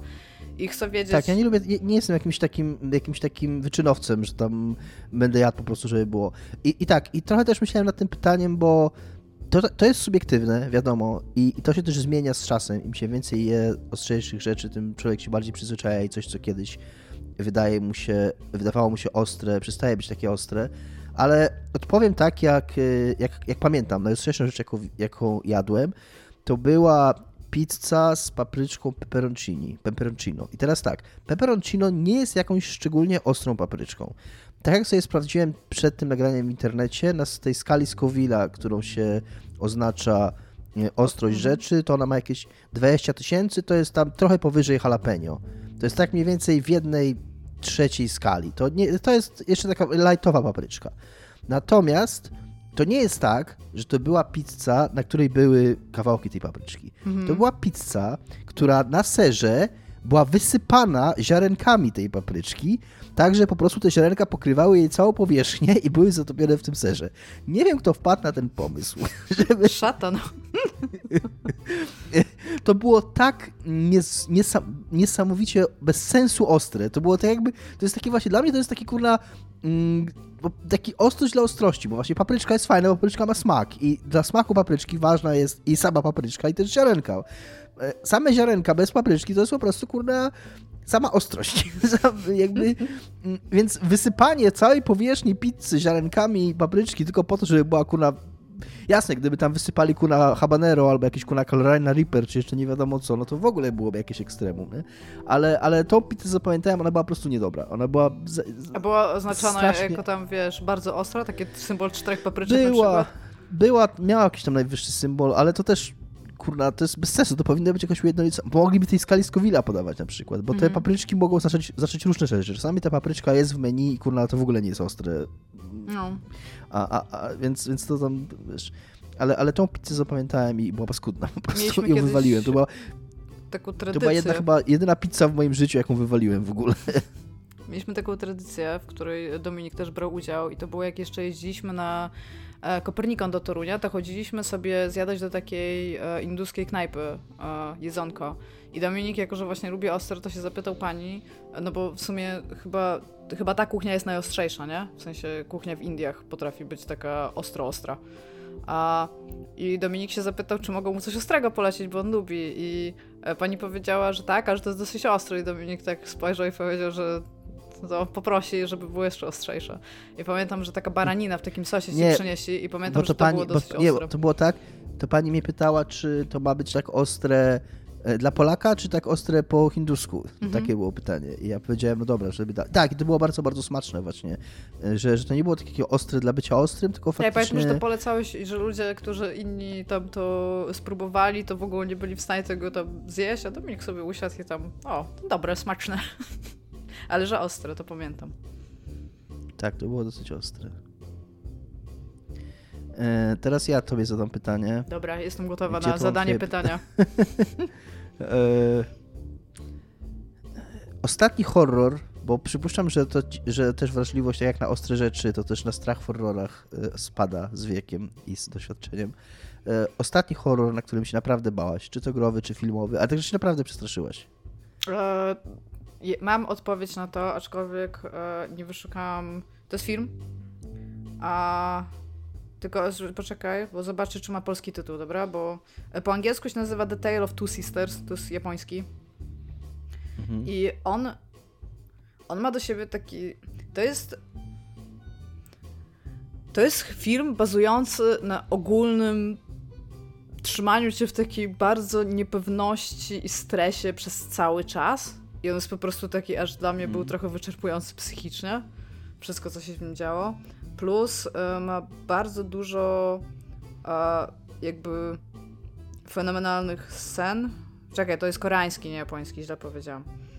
A Kim i teraz Ji-un go wyreżyserował. I jakby on jest zrobiony na podstawie takiej legendy folklorystycznej, ale pamiętam, że jak go oglądałam, on jest w ogóle też taki dosyć Dużo ludzi mi mówiło, że go nie zrozumiało. W sensie to jest taki film, że mm. wychodzisz i on. To nie jest taki prosty horror na zasadzie dzieje się coś nie, nienaturalnego i teraz trzeba doprowadzić do tego, żeby znowu było normalnie. Tylko to jest jedna z tych takich opowieści o jakiejś krzywdzie, która się stała, wiesz, jakimś odkupieniu i wszystkim, co, co ma tam z tym wspólnego. Ma kilka takich ujęć, yy, jakby kamery, gdzie jak, jak paraliż senny, na zasadzie, że nie możesz się ruszyć, że się do ciebie zbliża i to są takie bardzo creepy w ogóle rzeczy. I pamiętam, że jak go oglądałam, to nie było tak, że jak krzyczałam, bo tak się bałam, ale pamiętam, że siedziałam i byłam taka max napięta. Taka, wiesz, że... Okay. Taki bardzo, bardzo pierwotny w ogóle osaczonego zwierzęcia, może, to, może w ten e, sposób. Na pewno, tego, na pewno tego nie obejrzę nigdy. Jest. E, ja nawet nie wiem, czy on jest jakoś e, mocno jakby lubiany, ten film. W sensie trudno mi jest to powiedzieć. E, jakby tylko kilku ludzi, z którymi rozmawiałam i którzy w ogóle oglądają tego typu filmy, wiedziało o co mi chodzi, więc nawet nie wiem, czy on jest jakiś tam super znany, ale właśnie zapamiętałam go jako taki no, taką wyprawę, kurde, w dosyć niefajne miejsce, w sensie, ale też przy okazji bardzo satysfakcjonujące, bo ja szukam takich przeżyć. Ja na przykład jak byłam na... E, Conjuring jest obecność, tak? Tłumaczone na, na, na polski. Byłam na drugiej części w kinie i bardzo lubię w ogóle Conjuring. Uważam, że to jest bardzo fajny film. I, i pierwsza i druga część. A, I tam, ja o tym często mówię, i tam babka tak się wystraszyła, że skrzyknęła. I, i to, jest, to jest fajne przeżycie. Jakby to nie jest tak, że ja nie chcę ich mieć i to nie jest tak, że ja, wiesz... Y, jakby siadam i o, obejrzymy horror i tam i po prostu siedzę i wiesz, przewracam oczami. Tylko ja czekam na to, ja liczę na to, że film mnie wystraszy, że gra mnie wystraszy. A mm. z grami w ogóle to mega, mega, mega dawno tak nie miałam, żeby coś mnie wystraszyło. Raz mnie wystraszył e, tak, tak naprawdę, że aż wyłączyłam grę i stwierdziłam, dobra, to jest koniec na dzisiaj. Super lame w ogóle patent, bo to był jumpscare i jakby totalnie wiedziałeś, że tam będzie ten jumpscare, a się tak przestraszyłam, że realnie czułam, że mi serce stanęło. To jest przerażający w ogóle patent. To mnie jeszcze bardziej wystraszyło, nie? Że czułam, że po prostu skipped a beat, nie? Że było pum pum i nagle takie i znowu zaczęło bić. I to było w Eternal Darkness, tam jest taka scena z wanną i po prostu to jest takie naprawdę, że nagle ci zabiera kamerę, masz, wiesz, kadr cały y, tam, że w wannie leży bohaterka po prostu we krwi, tak, i jest takie wrong i, i wtedy uznałam, dobra, koniec na dzisiaj, jakby wyłączam telewizor, wyłączam konsolę i do stąd. I, I to uznałam wtedy za bardzo nie fair, byłam zła na to, ale wciąż miałam z tego satysfakcję, więc ogólnie, jeżeli macie jakieś rzeczy takie naprawdę straszne do polecenia, to ja bardzo, bardzo, bardzo chętnie. E, z rzeczy, które oglądałam ostatnio, co się posługuje estetyką horroru, może w taki sposób, jest film z Nicolasem Cage'em Mandy. I kurde, kocham ten film. On ma mało wspólnego z horrorem, ale dawno mi żaden film nie przyniósł takiej satysfakcji po prostu z samego obcowania z nim, tak wiesz, patrzenia na coś. I jest naprawdę fenomenalnie, fenomenalnie kocham ten film. Naprawdę, kurde, używanie przestrzeni w nim, używanie kostiumów, logika, która tam się coś... Bo to on jest nie dość, że bazowany i posługujący się estetyką, to to jest po prostu film klasy B the movie, rozumiesz? Jakby mm. oni się nawet nie starają, żeby, żeby ukryć fakt, że starają się, żeby on był bardzo klasy, klasy B. Że to już jest taki bardzo świadome po prostu. I nie wiem, no to, to, to też jestem w stanie, tam, ta, on jest w ogóle moim zdaniem straszny, ale bardzo e, jakby używa tej takiej starej estetyki horrorów kinematograficznych. Więc tak, ale A Tale of Two Sisters bym powiedziała. Długo o tym myślałam, ale to było coś, co na tyle też mi jakby utkwiło w głowie, że zapamiętałam, nie? Mhm.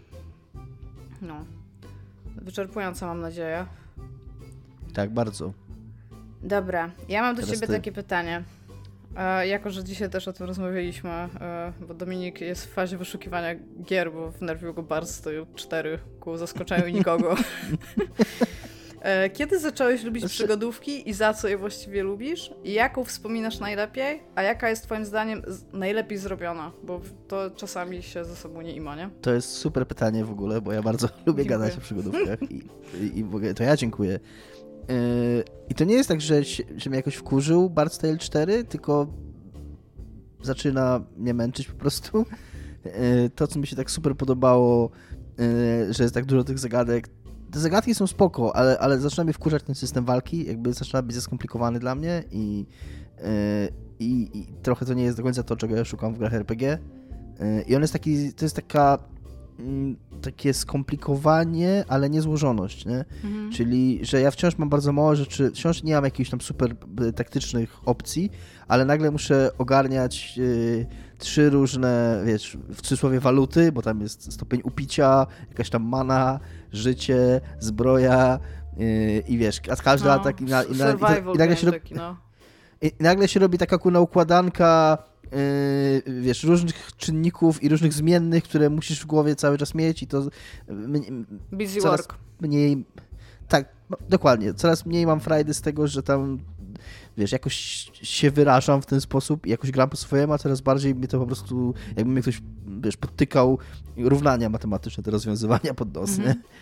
Więc, więc zaczynam mieć trochę dosyć tej gry. E, ale do, do meritum, do odpowiedzenia na pytania, akurat dlaczego ja lubię przygodówki, to, to jest dosyć łatwa odpowiedź. Chyba nawet niedawno jeszcze o tym mówiłem całkiem.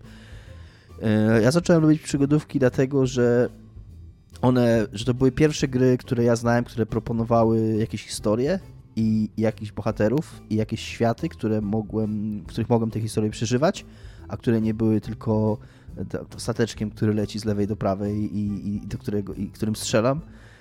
A że, a że Game Boya miałem, przypomnę, tak, ale miałem... Tak, miałeś Game Boya, no. Ja miałem Amigę. Chcesz się bić? Ale, i, i, I to było moje pierwsze zetknięcie na, na, przykład z serią Zelda, bo tam grałem w Legend of Zelda Link's Awakening, które zawsze w sercu, super gra, które też było taką przygodą, ale zanim takie gry odkryłem, to grałem na Commodore i tam u, u sąsiada na Amidze w jakieś pinbale i, i, i, tam bieganie ludzikiem. Nie pamiętam totalnie tej gry, ale już o niej wspominałem, że była gra, że się biegło żołnierzykiem z lewej do prawej i strzelało i tam się nazywaliśmy zawsze Rambo Gigant, Rambo Gigant 2000, nie, to nie była kontra. Yy, I a, a, właśnie przy grach przygodowych odkryłem to, że mogą być jakieś dialogi, jakieś tam przygody, historie i tak dalej. Mhm. Więc za to te gry lubiłem i to jest coś, co te gry wyróżniało przez długi czas. I to jest trochę ilekroć się mówi w cudzysłowie o śmierci przygodówek, przygodówek. Yy, dobrze to powiedziałem. Ma, mam z tym słowem coś dziwnego. Nagle zaczęło mi super dziwnie brzmieć. Yy, że, że trochę te gry przez to, że yy, wszystkie gry zaczęły mieć fabuły w pewnym momencie, to przygodówki trochę stały się niepotrzebne w pewnym sensie. To znaczy. Yy, Dużo ludzi grało w przygodówki, traktując zagadki logiczne, które te gry stawiały, jako takie zło konieczne. E, grali w te gry głównie dlatego, że ich interesowała ta historyjka, natomiast to, co trzeba zrobić, żeby tę historyjkę obejrzeć, było takim trochę koniecznym, mhm. złem koniecznym. Po czym, kiedy inne gry zaczęły proponować shootery, zręcznościówki, zaczęły proponować też bohaterów, historie, scenki, to nagle mm, te przygodówki w cudzysłowie dla wielu ludzi stały się trochę niepotrzebne. A ja, no przez to, że w tę grę grałem dużo, to również w tej... I, i też dla mnie na początku głównie chodziło o tę historię, natomiast do, za, nauczyłem się doceniać i nauczyłem się lubić tą logiczną stronę i jakby cenić tą satysfakcję płynącą z, ze znalezienia rozwiązania, ale to już nieco później. Mhm. Y, a teraz odpowiadając na drugą część pytania, mm, to ja teraz, to jest dla mnie na tyle szeroki temat, że ja teraz będę, będę jak ty, bo nie mam tutaj jednej odpowiedzi, mam kilka tytułów wpisanych. Mhm. E, uważam, że jedną z najciekawszych designersko przygodówek i przez długi czas to była, uważałem, że to jest najlepsza przygodówka, teraz spoiler, już tak nie uważam, ale wciąż jest bardzo wysoko. To jest Indiana Jones and the Fate of Atlantis. E, Wielki bo, bo jakby stopień, stopień nieliniowości, jaki ta gra proponuje, jest czymś bez precedensu, jeżeli chodzi o, o, o gry przygodowe i nie, nie, wiem jak to powiedzieć, no, nawet nie tyle bez precedensu, bo bez precedensu to znaczy, że nie było nic wcześniej, a to jest takie bez precedensu wstecznego i, i, i też to nie zostało to powtórzone nigdy później. Mm, to, to była tak rozwidlająca się gra, która... Postcedensu, tak, dokładnie. Nie, nie ma precedensu i nie ma postcedensu. bardzo ładnie, bardzo ładne słowo. Dziękuję. Y, bo ona nie tylko proponowała ci, jakby ona była nieliniowa na dwóch poziomach. To ona była nieliniowa po pierwsze w tym sensie, że w odróżnieniu od większości przygodówek było po kilka rozwiązań każdej zagadki. Znaczy, może nie każdej, ale wiele zagadek miało po kilka rozwiązań, o tak, w tym sensie, że nie, nie, nie miałeś takiego wrażenia, że tylko jedna odpowiedź jest właściwa, mhm. Mm, co nadawało trochę bardziej takiego logicznego przebiegu jej, bo czułaś, że twoje pomysły też mają znaczenie, a nie tylko ten jeden pomysł, który wymyślił twórca. Chociaż oczywiście te wszystkie wymyślił twórca, no ale wiadomo. Y, a, a, po drugie była taka liniowa, w sensie, że się bardzo rozwidlała też, jeżeli chodzi o, o narrację. Także tam całe sekwencje, ona tak się powiedzi, w stylu Wiedźmina 2 rozwidlała, że tam całe lokacje, sekwencje się omijało, jak się jakąś decyzję inną podjęło. Y, się było bądź nie, sterowało się innymi bohaterami, w innych miejscach się było, co innego się robiło. Także to, to, mhm. no to robi wrażenie do dzisiaj, jak się w nią gra. Y, uważam, że najlepsza gra przygodowa mm, to jest Day of the Tentacle bo ma najbardziej taki e, tight, za przeproszeniem, taki zwarty ten swój design. E, Indiana Jones The Fate of Atlantis robi wrażenie skalą i tym takim, mm, jak się na nią z góry patrzy, tą taką swoją monumentalnością mm, tego, jak dużo tego tam jest, jaka to jest epicka historia i jak właśnie to rozwijająca się i tak dalej. E, Natomiast Day of the Tentacle to jest taki kurna, takie świecidełko, taki kurna piękny majstersztyk, który się toczy na, kurna, na kilku lokacjach. To jest jeden dom i jego okolice. Mm, Tych ekranów to jest tam trochę, tam nie, No. nie, nie chcę powiedzieć, że to jest mała, mała gra, ale, ale y, jest taka, w swojej istocie no jesteś tak naprawdę w jednym budynku i jego otoczeniu, Mhm. w trzech, na trzech planach czasowych e, i to, ile tam jest wyciśnięte humoru i, i pomysłowych zagadek i, i, i takiego autentycznej kurna zabawy tym, tym konceptem, to jest po prostu kurna, dla mnie to jest taki majstersztyk, taki kurda designerski, naprawdę designerskie arcydzieło, nie? że tam postawić i doceniać, nie? Mhm. E, Natomiast e, gra, którą najlepiej wspominam, i to może będzie, bo te dwie poprzednie może Was nie zdziwią szczególnie, bo już mówiłem o tych grach. Natomiast tutaj powiem tak bardzo subiektywnie, bardzo mile wspominam Broken Sworda 2, akurat specyficznie, konkretnie 2, Mhm. nie jeden, bo z jakiegoś powodu bardzo pamiętam, to była jakaś, nie wiem, siódma albo ósma klasa, koniec podstawówki, ale jeszcze podstawówka, e, kiedy byłem chory e, i tydzień siedziałem w domu i e, już miałem chyba peceta wtedy swojego, więc to musiał być jakiś koniec, koniec szkoły.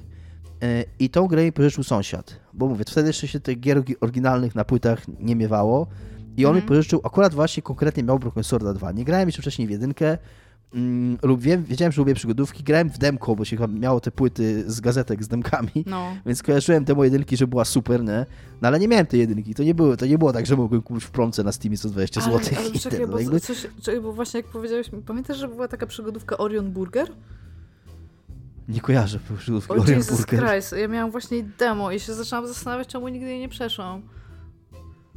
Czekaj, sprawdzę, że sobie No, w tego nie razie wymyśliłam. No. Miałem, miałem demo tego Broken Sworda 1, on miał akurat Broken Sworda 2 i pamiętam, że właśnie tak siedziałem yy, w piżamie pod kołdrą i grałem w tego Broken Sworda yy, i, i którego mi sąsiad idąc do szkoły podrzucił na płycie yy, i, i to nie jest jakaś mm, szczególnie ważna gra. Jedynka, jedynka tak, jedynka się często wspomina, ona miała tam trochę wpływ na gatunek i trochę takich swoich rzeczy, które zrobiła. Dwójka to jest taki po prostu więcej tego samego, e, ale, ale takie się ma z dzieciństwa, takie wspomnienia, że czasami taka zupełnie przeciętna, zwykła rzecz dla ciebie z jakiegoś powodu staje się tam super ważna, nie? Mhm. I- Jak właśnie i dlatego właśnie zadałam ta- tak to pytanie, żeby, żebyś powiedział właśnie w taki sposób. I, te, I ten Broken Sword 2 to jest właśnie dla mnie taka gra, która niczym się szczególnie nie wyróżnia, mm, ale, ale super mile mi się w nią grało i super mile ją wspominam i tak. Jest taka gra Orion Burger, jest to przygodówka w bardzo starym stylu, z tego co pamiętam wysłałam ci, właśnie ją znalazłam, jest to Abandonware, więc możesz ją po prostu wziąć i może, może jeżeli nie znasz. Ja pamiętam, że było demo Okej. i demo było jak jesteś zamieniony, taki malutki jesteś, w sensie ten twój bohater jest malutki, jest w klatce od chomików, swoich własnych, tylko nie ma tych chomików i kosmici go porywają. Mhm. To jest taka jeszcze w starym Wygląda to stylu, y, stara, To śmieszna wygląda jak- przygodówka. To wygląda jak the Tentacle na maksa, tak w No, stylu no, no, no, no, no, bo to jest 96 rok. Właśnie To uratowałam ci wieczór, stary. Super. Tak, i właśnie ona jest taka, wiesz, Być mocno tak. animowana, bardzo kolorowa i no pamię pamiętam, że ale grałam w w demo. No, nie ma Ale za co. czad. Dobra, możesz mi Wiele, zadać pytanie i się, i się patrzeć dalej, że może ci się spodoba. E, już ci zadaję pytanie. E, gra sportowa, o, to jest, tam mnie ciekawi. E, ty słynnie nie lubisz FIFA, Forcy i, i niczego takiego. Mhm. E, gra sportowa, w którą byś mogła z przyjemnością grać. Ale I właśnie... konkretnie mam tu na myśli grę nie, nie mówię tu o grze e-sportowej. Tak, tak, to ma ale, być kurna... ale to jest gra, którą ja mam teraz, bo, bo mam dwie odpowiedzi. Mam takie, w które gram, tak normalnie i lubię je. Czy mam wymyślić teraz grę sportową? Nie, nie. Y, y, Pytanie zadałem w ten sposób, dlatego że y, zakładałem, że nie ma takiej gry. Jeżeli jest taka gra, to jej użyj. Napisałem, jaką mogłabyś grać, to nie, że miałabyś ją wymyślać, tylko taka, która istnieje, ale przynajmniej mm, jakby nie, nie jest odstręczająca dla ciebie, nie wiem, jak Forza czy coś takiego, nie? Okej, no bo bardzo, Ale- bardzo lubię Burnouta i nigdy się z tym nie kryłam. Bardzo, bardzo Okej. lubię Burnouta. Uważam, że to jest bardzo fajna wyścigówka po prostu. ja akurat jestem wielką fanką, bo chyba, czekaj, jak wszyscy grają w trójkę? Czy w czwórkę wszyscy grają? Była taka jedna, która po prostu, to, było, to jest zawsze taki majstersztyk, a ja lubię tą, która wyszła znaczy, przed nią. Z jakiegoś powodu to Burnout, jest... Wszyscy mówią, że Burnout Paradise jest taki najbardziej, najczęściej wspomniany. Ja najbardziej lubię trójkę, tą taką, z tym takim, z taką kalifornijską punkową ścieżką dźwiękową. E, nie, Avril Lavigne była w, mm, w właśnie Burnoutie Paradise. Okej, okay. bo ja ogólnie, bo ja pamiętam, że moją ulubioną część pamiętam bardzo dobrze, pa, no. pamiętam, bardzo, pamiętam bardzo dobrze, że, że Avril Lavigne była w Bernardzie Paradise, z którego dość mało grałem, bo był bardzo dobry tekst Eurogamera, właśnie wspominający o jeżdżeniu do kawałka Girlfriend Avril Lavigne w Bernardzie Paradise. Ale tak. Ale no, może w innych też były, no. No właśnie Burnout zawsze i tam w sercu i ja kocham Tony'ego Hawk'a, nie? W sensie Tony Hawk, Pro Skater no. 2 i 3 to jest po prostu gry, które... My mieliśmy zwyczaj z, gru z grupą przyjaciół, że siadaliśmy i graliśmy w wersji na Dreamcasta Tony'ego Hawk'a 2 i my już mieliśmy tak obcykane rzeczy, że na przykład jeżeli nie zrobiłeś całego hangaru za pierwszym razem, wszystkich rzeczy, to po prostu wszyscy się z ciebie śmiali. Rozumiesz? To już po prostu tak dużo już w to graliśmy. A ale jakby idąc za tym, za, za, ciosem, ja wymyśliłam też grę, w którą super bym chciała grać i uważam, że to jest super okay. pomysł, więc się po prostu nie podzielę. Ja bym chciała grę, tylko nie wymyśliłam jej nazwy w sumie, nie wiem dlaczego. E, ja bym chciała grać o wyścigu psich, psich zaprzęgów z elementami RPG, gdzie ty musisz, kurde, hodować te psy i musisz je wymieniać i musisz e, jakby dbać o nie, tak? I musisz je tresować. I e, żeby była jeszcze linia fabularna, gdzie ty masz swoich rywali podczas tych wyścigów i jakby twoim ultimate goalem jest zostanie najszybszym psim zaprzęgiem, kurde ten, ale przy okazji masz też takie side missions, że na przykład musisz dostarczyć tym swoim psim zaprzęgiem jakiś ładunek dokądś i wtedy, nie wiem, twoje psy będą bardziej zmęczone, ale jakby moralnie kogoś uratujesz i być może zapłacą ci, żebyś mógł lepiej rozwieść te psy, a być może tam będzie jakiś nowy rodzaj psa, że musisz e, wchodzić jakby w stosunki e, koleżeńskie z innymi ludźmi, którzy mają psy, żeby na przykład rozmnażać jakiegoś twojego czempiona z jakimś innym czempionem, żeby z tego mieć szczeniaki i żeby, żeby bardziej je potem ogarniać, że możesz niektóre przesprzedawać albo wystawiać. I ja bym w to grała multum, stary. Ja bym po prostu siedziała w to grała, nie? I uważam, że to jest super pomysł na grę, jakby, że nawet nie wiem, czy te wyścigi muszą być takie in your face grywalne, tylko że nie wiem, czy ten element RPGowości w ogóle dookoła tego, że ty musisz ogarniać te psy nie jest ciekawszy, albo że na przykład jakiś tam jest bardziej alfą, mm. albo że na przykład masz psa, który ma super statystyki, ale nie może prowadzić tego zaprzęgu, tylko musi być którymś psem z tyłu. Jakby, że nawet takie rzeczy tam by się fajnie tak systemowo dogrywały. Jakby, jakby co, to więcej laserów jest w stanie współpracować z kimś nad tym pomysłem, jeżeli ktoś jest dobrym designerem gier e, RPG slash wyścigówek, to ba bardzo chętnie jakby polecam. jakby możliwości jesteśmy w stanie to zrobić. Nie wiem, jaka byłaby nazwa, ale pewnie coś z psem. Więc tak, e, więc to jest myślę dobra odpowiedź na twoje pytanie, które ja zrozumiałam, że zadałeś. Super odpowiedź, Więc tak. wymyśliłam sobie grę i to czemu nie. E, I tak patrzę, że chyba już po ostatnim pytaniu, co? A, Możemy tak zrobić. Dobra, i ja mam takie pytanie, bo to jest rzecz, e, co powiedziałeś, że że miałeś z tym problem, żeby znaleźć odpowiedź na to pytanie, ale je znalazłeś i to zaciekawiłeś mnie, w związku z tym to pytanie jakby mhm. uzyskało lepszą rangę. Ale czy istnieje jakaś gra, którą wszyscy ci polecali jako coś, co jest super i na pewno na maksa ci podejdzie, a ty pograłeś i uznałeś, że chyba wszyscy mieli jakiś zbiorowy wylew? Jakby... Mam odpowiedź, mam odpowiedź na to pytanie, ale zanim do niej dojdę, zrobię, będzie taki lead-in, taki trochę podbuduję napięcie, bo miałem, jak się zastanawiałem, miałem takie... Yy, nie miałem, trochę musiałem, musiała do mnie dojść ta odpowiedź, więc miałem takie gorsze odpowiedzi, będą na przykład dwie gorsze. Pierwsza gorsza odpowiedź jest pierwszy Shadow of Mordor. Mhm. E, ja tą grę kupiłem w ogóle z, z, z Xboxem One jako tytuł startowy i tam wszyscy się zachwycali tym systemem Nemesis, to jest, takie super To jest w ogóle, w ogóle, super, bo ta gra nazywa się Shadow of Mordor, wszyscy mówili Mordor i wyszła druga część, która się chyba nazywa Shadow of War i tam nawet nie ma słowa Mordor, ale tak. to jest Mordor 2. tak. No. E, I, i, I tam, że ten, o Jezu, że ten system Nemesis, że takie to się super generuje mnie ta gra głównie wkurzała, bo kurna te, te, ten system Nemesis to po prostu kurna po pewnym momencie to żaden z tych orków nie był wyjątkowy, bo kurna co chwilę się one cię atakowały i na, w ogóle najlepiej trzy naraz. że jak tam kacerka ci się włączała, że tam jakiś ork cię atakuje, to po chwilę się z nim biłeś, nagle kurna miałeś na ekranie tych orków 50 i za chwilę wyskakuje drugi i trzeci i, i, i w pewnym momencie to był kurna taki wkurzająca kakofonia w ogóle i, i, i irytowała mnie ta gra i nie potrafiłem się wyciągnąć w żaden sposób i, i, w ogóle nie jestem wyznawcą, stąd totalnie w ogóle ominąłem dwójkę. Czasami jak przeglądam Game Passa, to widzę, że ona tak jest tam... Strasz, strasznie źle była odebrana, nie? Bo ona była bardzo tam monetyzowana, tak full force.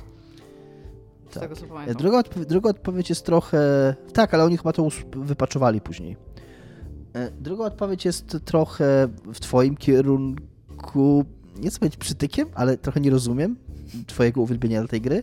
Znaczy uwielbienia, twojego, może nie uwielbienia, a jest to Horizon Zero Dawn, e, o którym e, często wspominasz, jak to jest tam fajnie zrobiony Ubisoftowy open world. Dla mnie mi się w nią spoko grało, głównie dlatego, że ona ładnie wygląda, graficznie Ona jest, te, jest ładna. technologicznie też jest fenomenalnie dobrze ogarnięta. No. Natomiast gameplayowo nie widziałem tam nic yy, ciekawszego od tego, co mam w Asasynach, a w Asasyny gram po 100 godzin, 120 godzin raz na dwa Ona lata. jest, jest fan.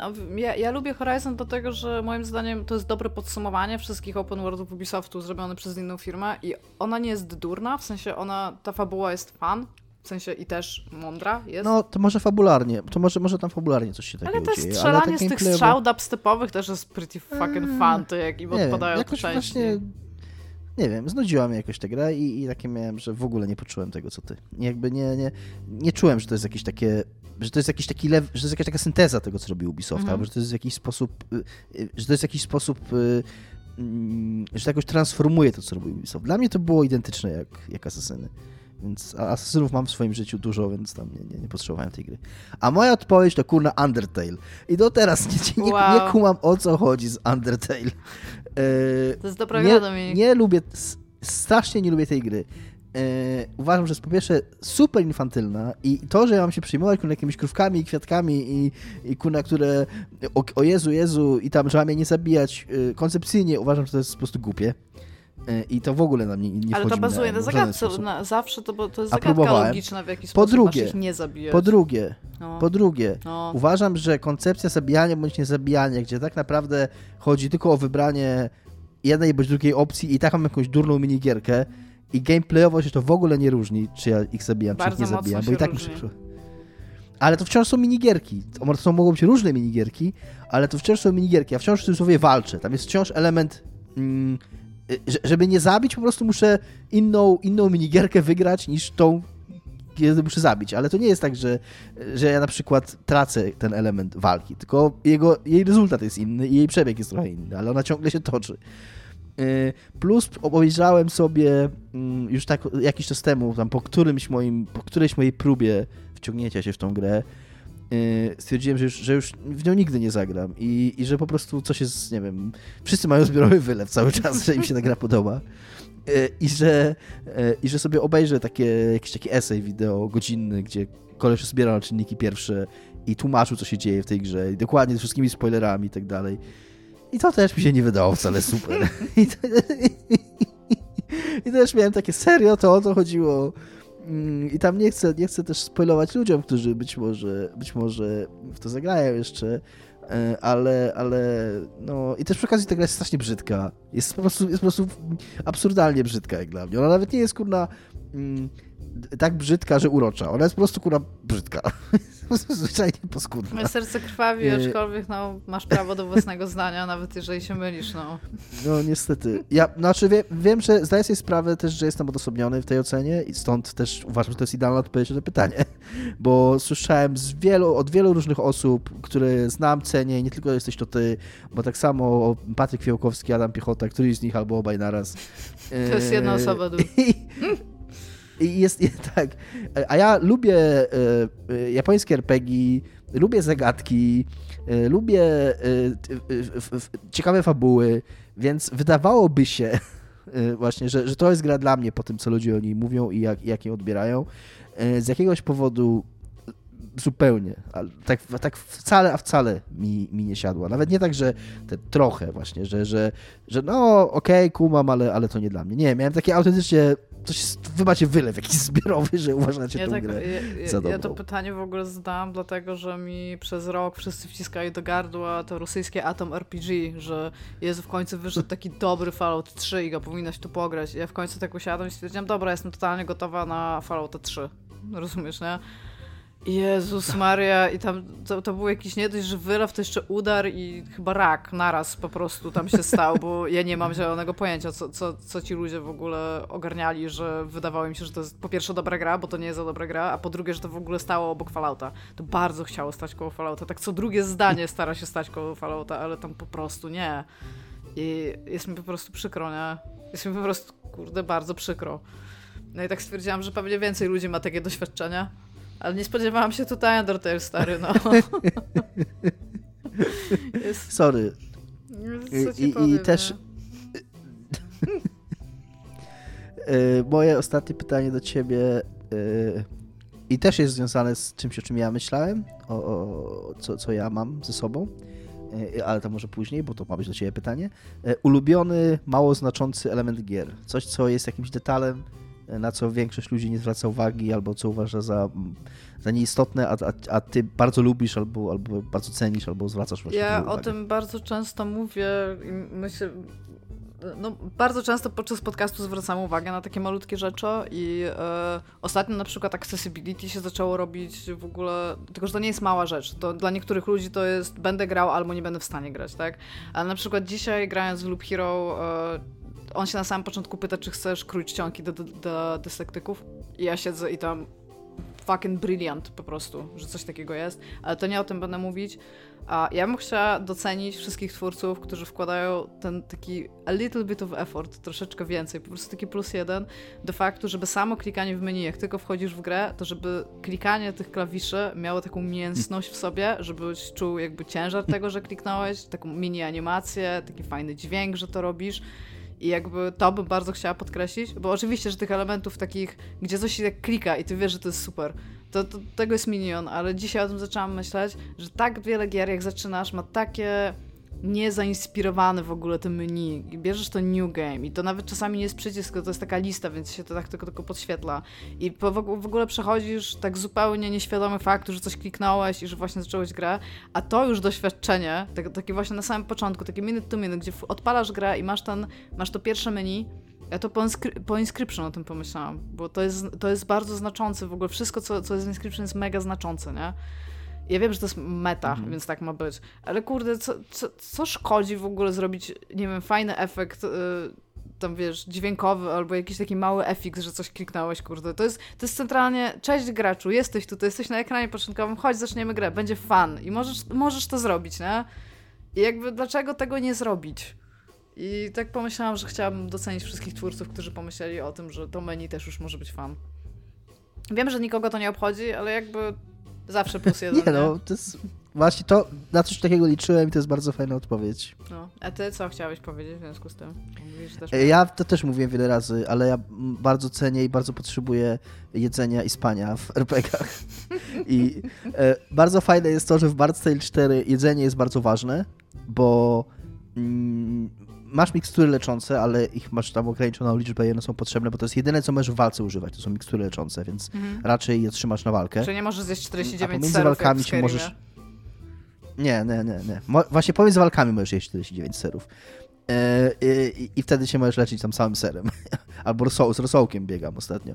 Bo tam można na kościach, y, ziołach i wodzie zrobić rosół. więc, e, więc biegam z tym rosołem. Y, i, i piję ten rosół, żeby się leczyć po walkach. I czasami to jest tak, że y, ten rosół jest tak dobry, że tam generalnie walkę wygrywasz, jeżeli przynajmniej jeden z swoich ludzików przeżyje na koniec walki, więc może być tak, że trzy osoby są martwe i jedna jest żywa na koniec i później piją rosół i tam wszyscy, wszyscy, wypiją tam trzy rosoły albo cztery. Rosół. I, Piją cztery rosoły, zagryzą tam dwiema kromkami chleba, czy tam dwoma bochnami chleba i tam go, nie? I możemy iść dalej po dungeonie. Niestety nie ma spania w Bard's i, i to, to troszeczkę mi szkodzi, ale to, że jedzenie jest ważne, jest super. I, i ja, ja, bardzo lubię elementy jedzenia i spania w RPG, okej? Okay? No rozumiem, wszyscy wiemy. I przebieranie się w piżamki zanim zasejwujesz, to też jest ważne.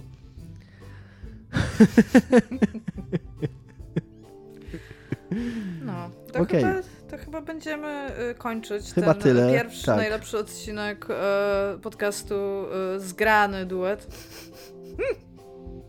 Never get bardzo, tak. Jeżeli prosimy o, o opinię na temat naszego, naszego nowego podcastu Słupki i komcie I nie będziemy dzwoneczki tam, zakładać no, nowego Patronite'a, ale możemy was skierować do Patronite'a Niezatopialnych y, i zapewnić was, że Tak. ilu byśmy nie robili projektów, to nigdy nic nie ukryjemy za paywallem i robimy, jesteśmy tutaj dla was i jeżeli nam wpłacacie, to jesteście super. Jeżeli nie chcecie, nie możecie, e, może możecie i chcecie, ale nie robicie tego, to wciąż też jesteście super.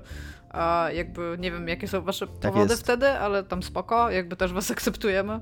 A no, no i co? No i chyba tyle, nie? Na ten temat. Dziękuję bardzo Tak. i do usłyszenia. Do usłyszenia. Pa, pa. Cześć.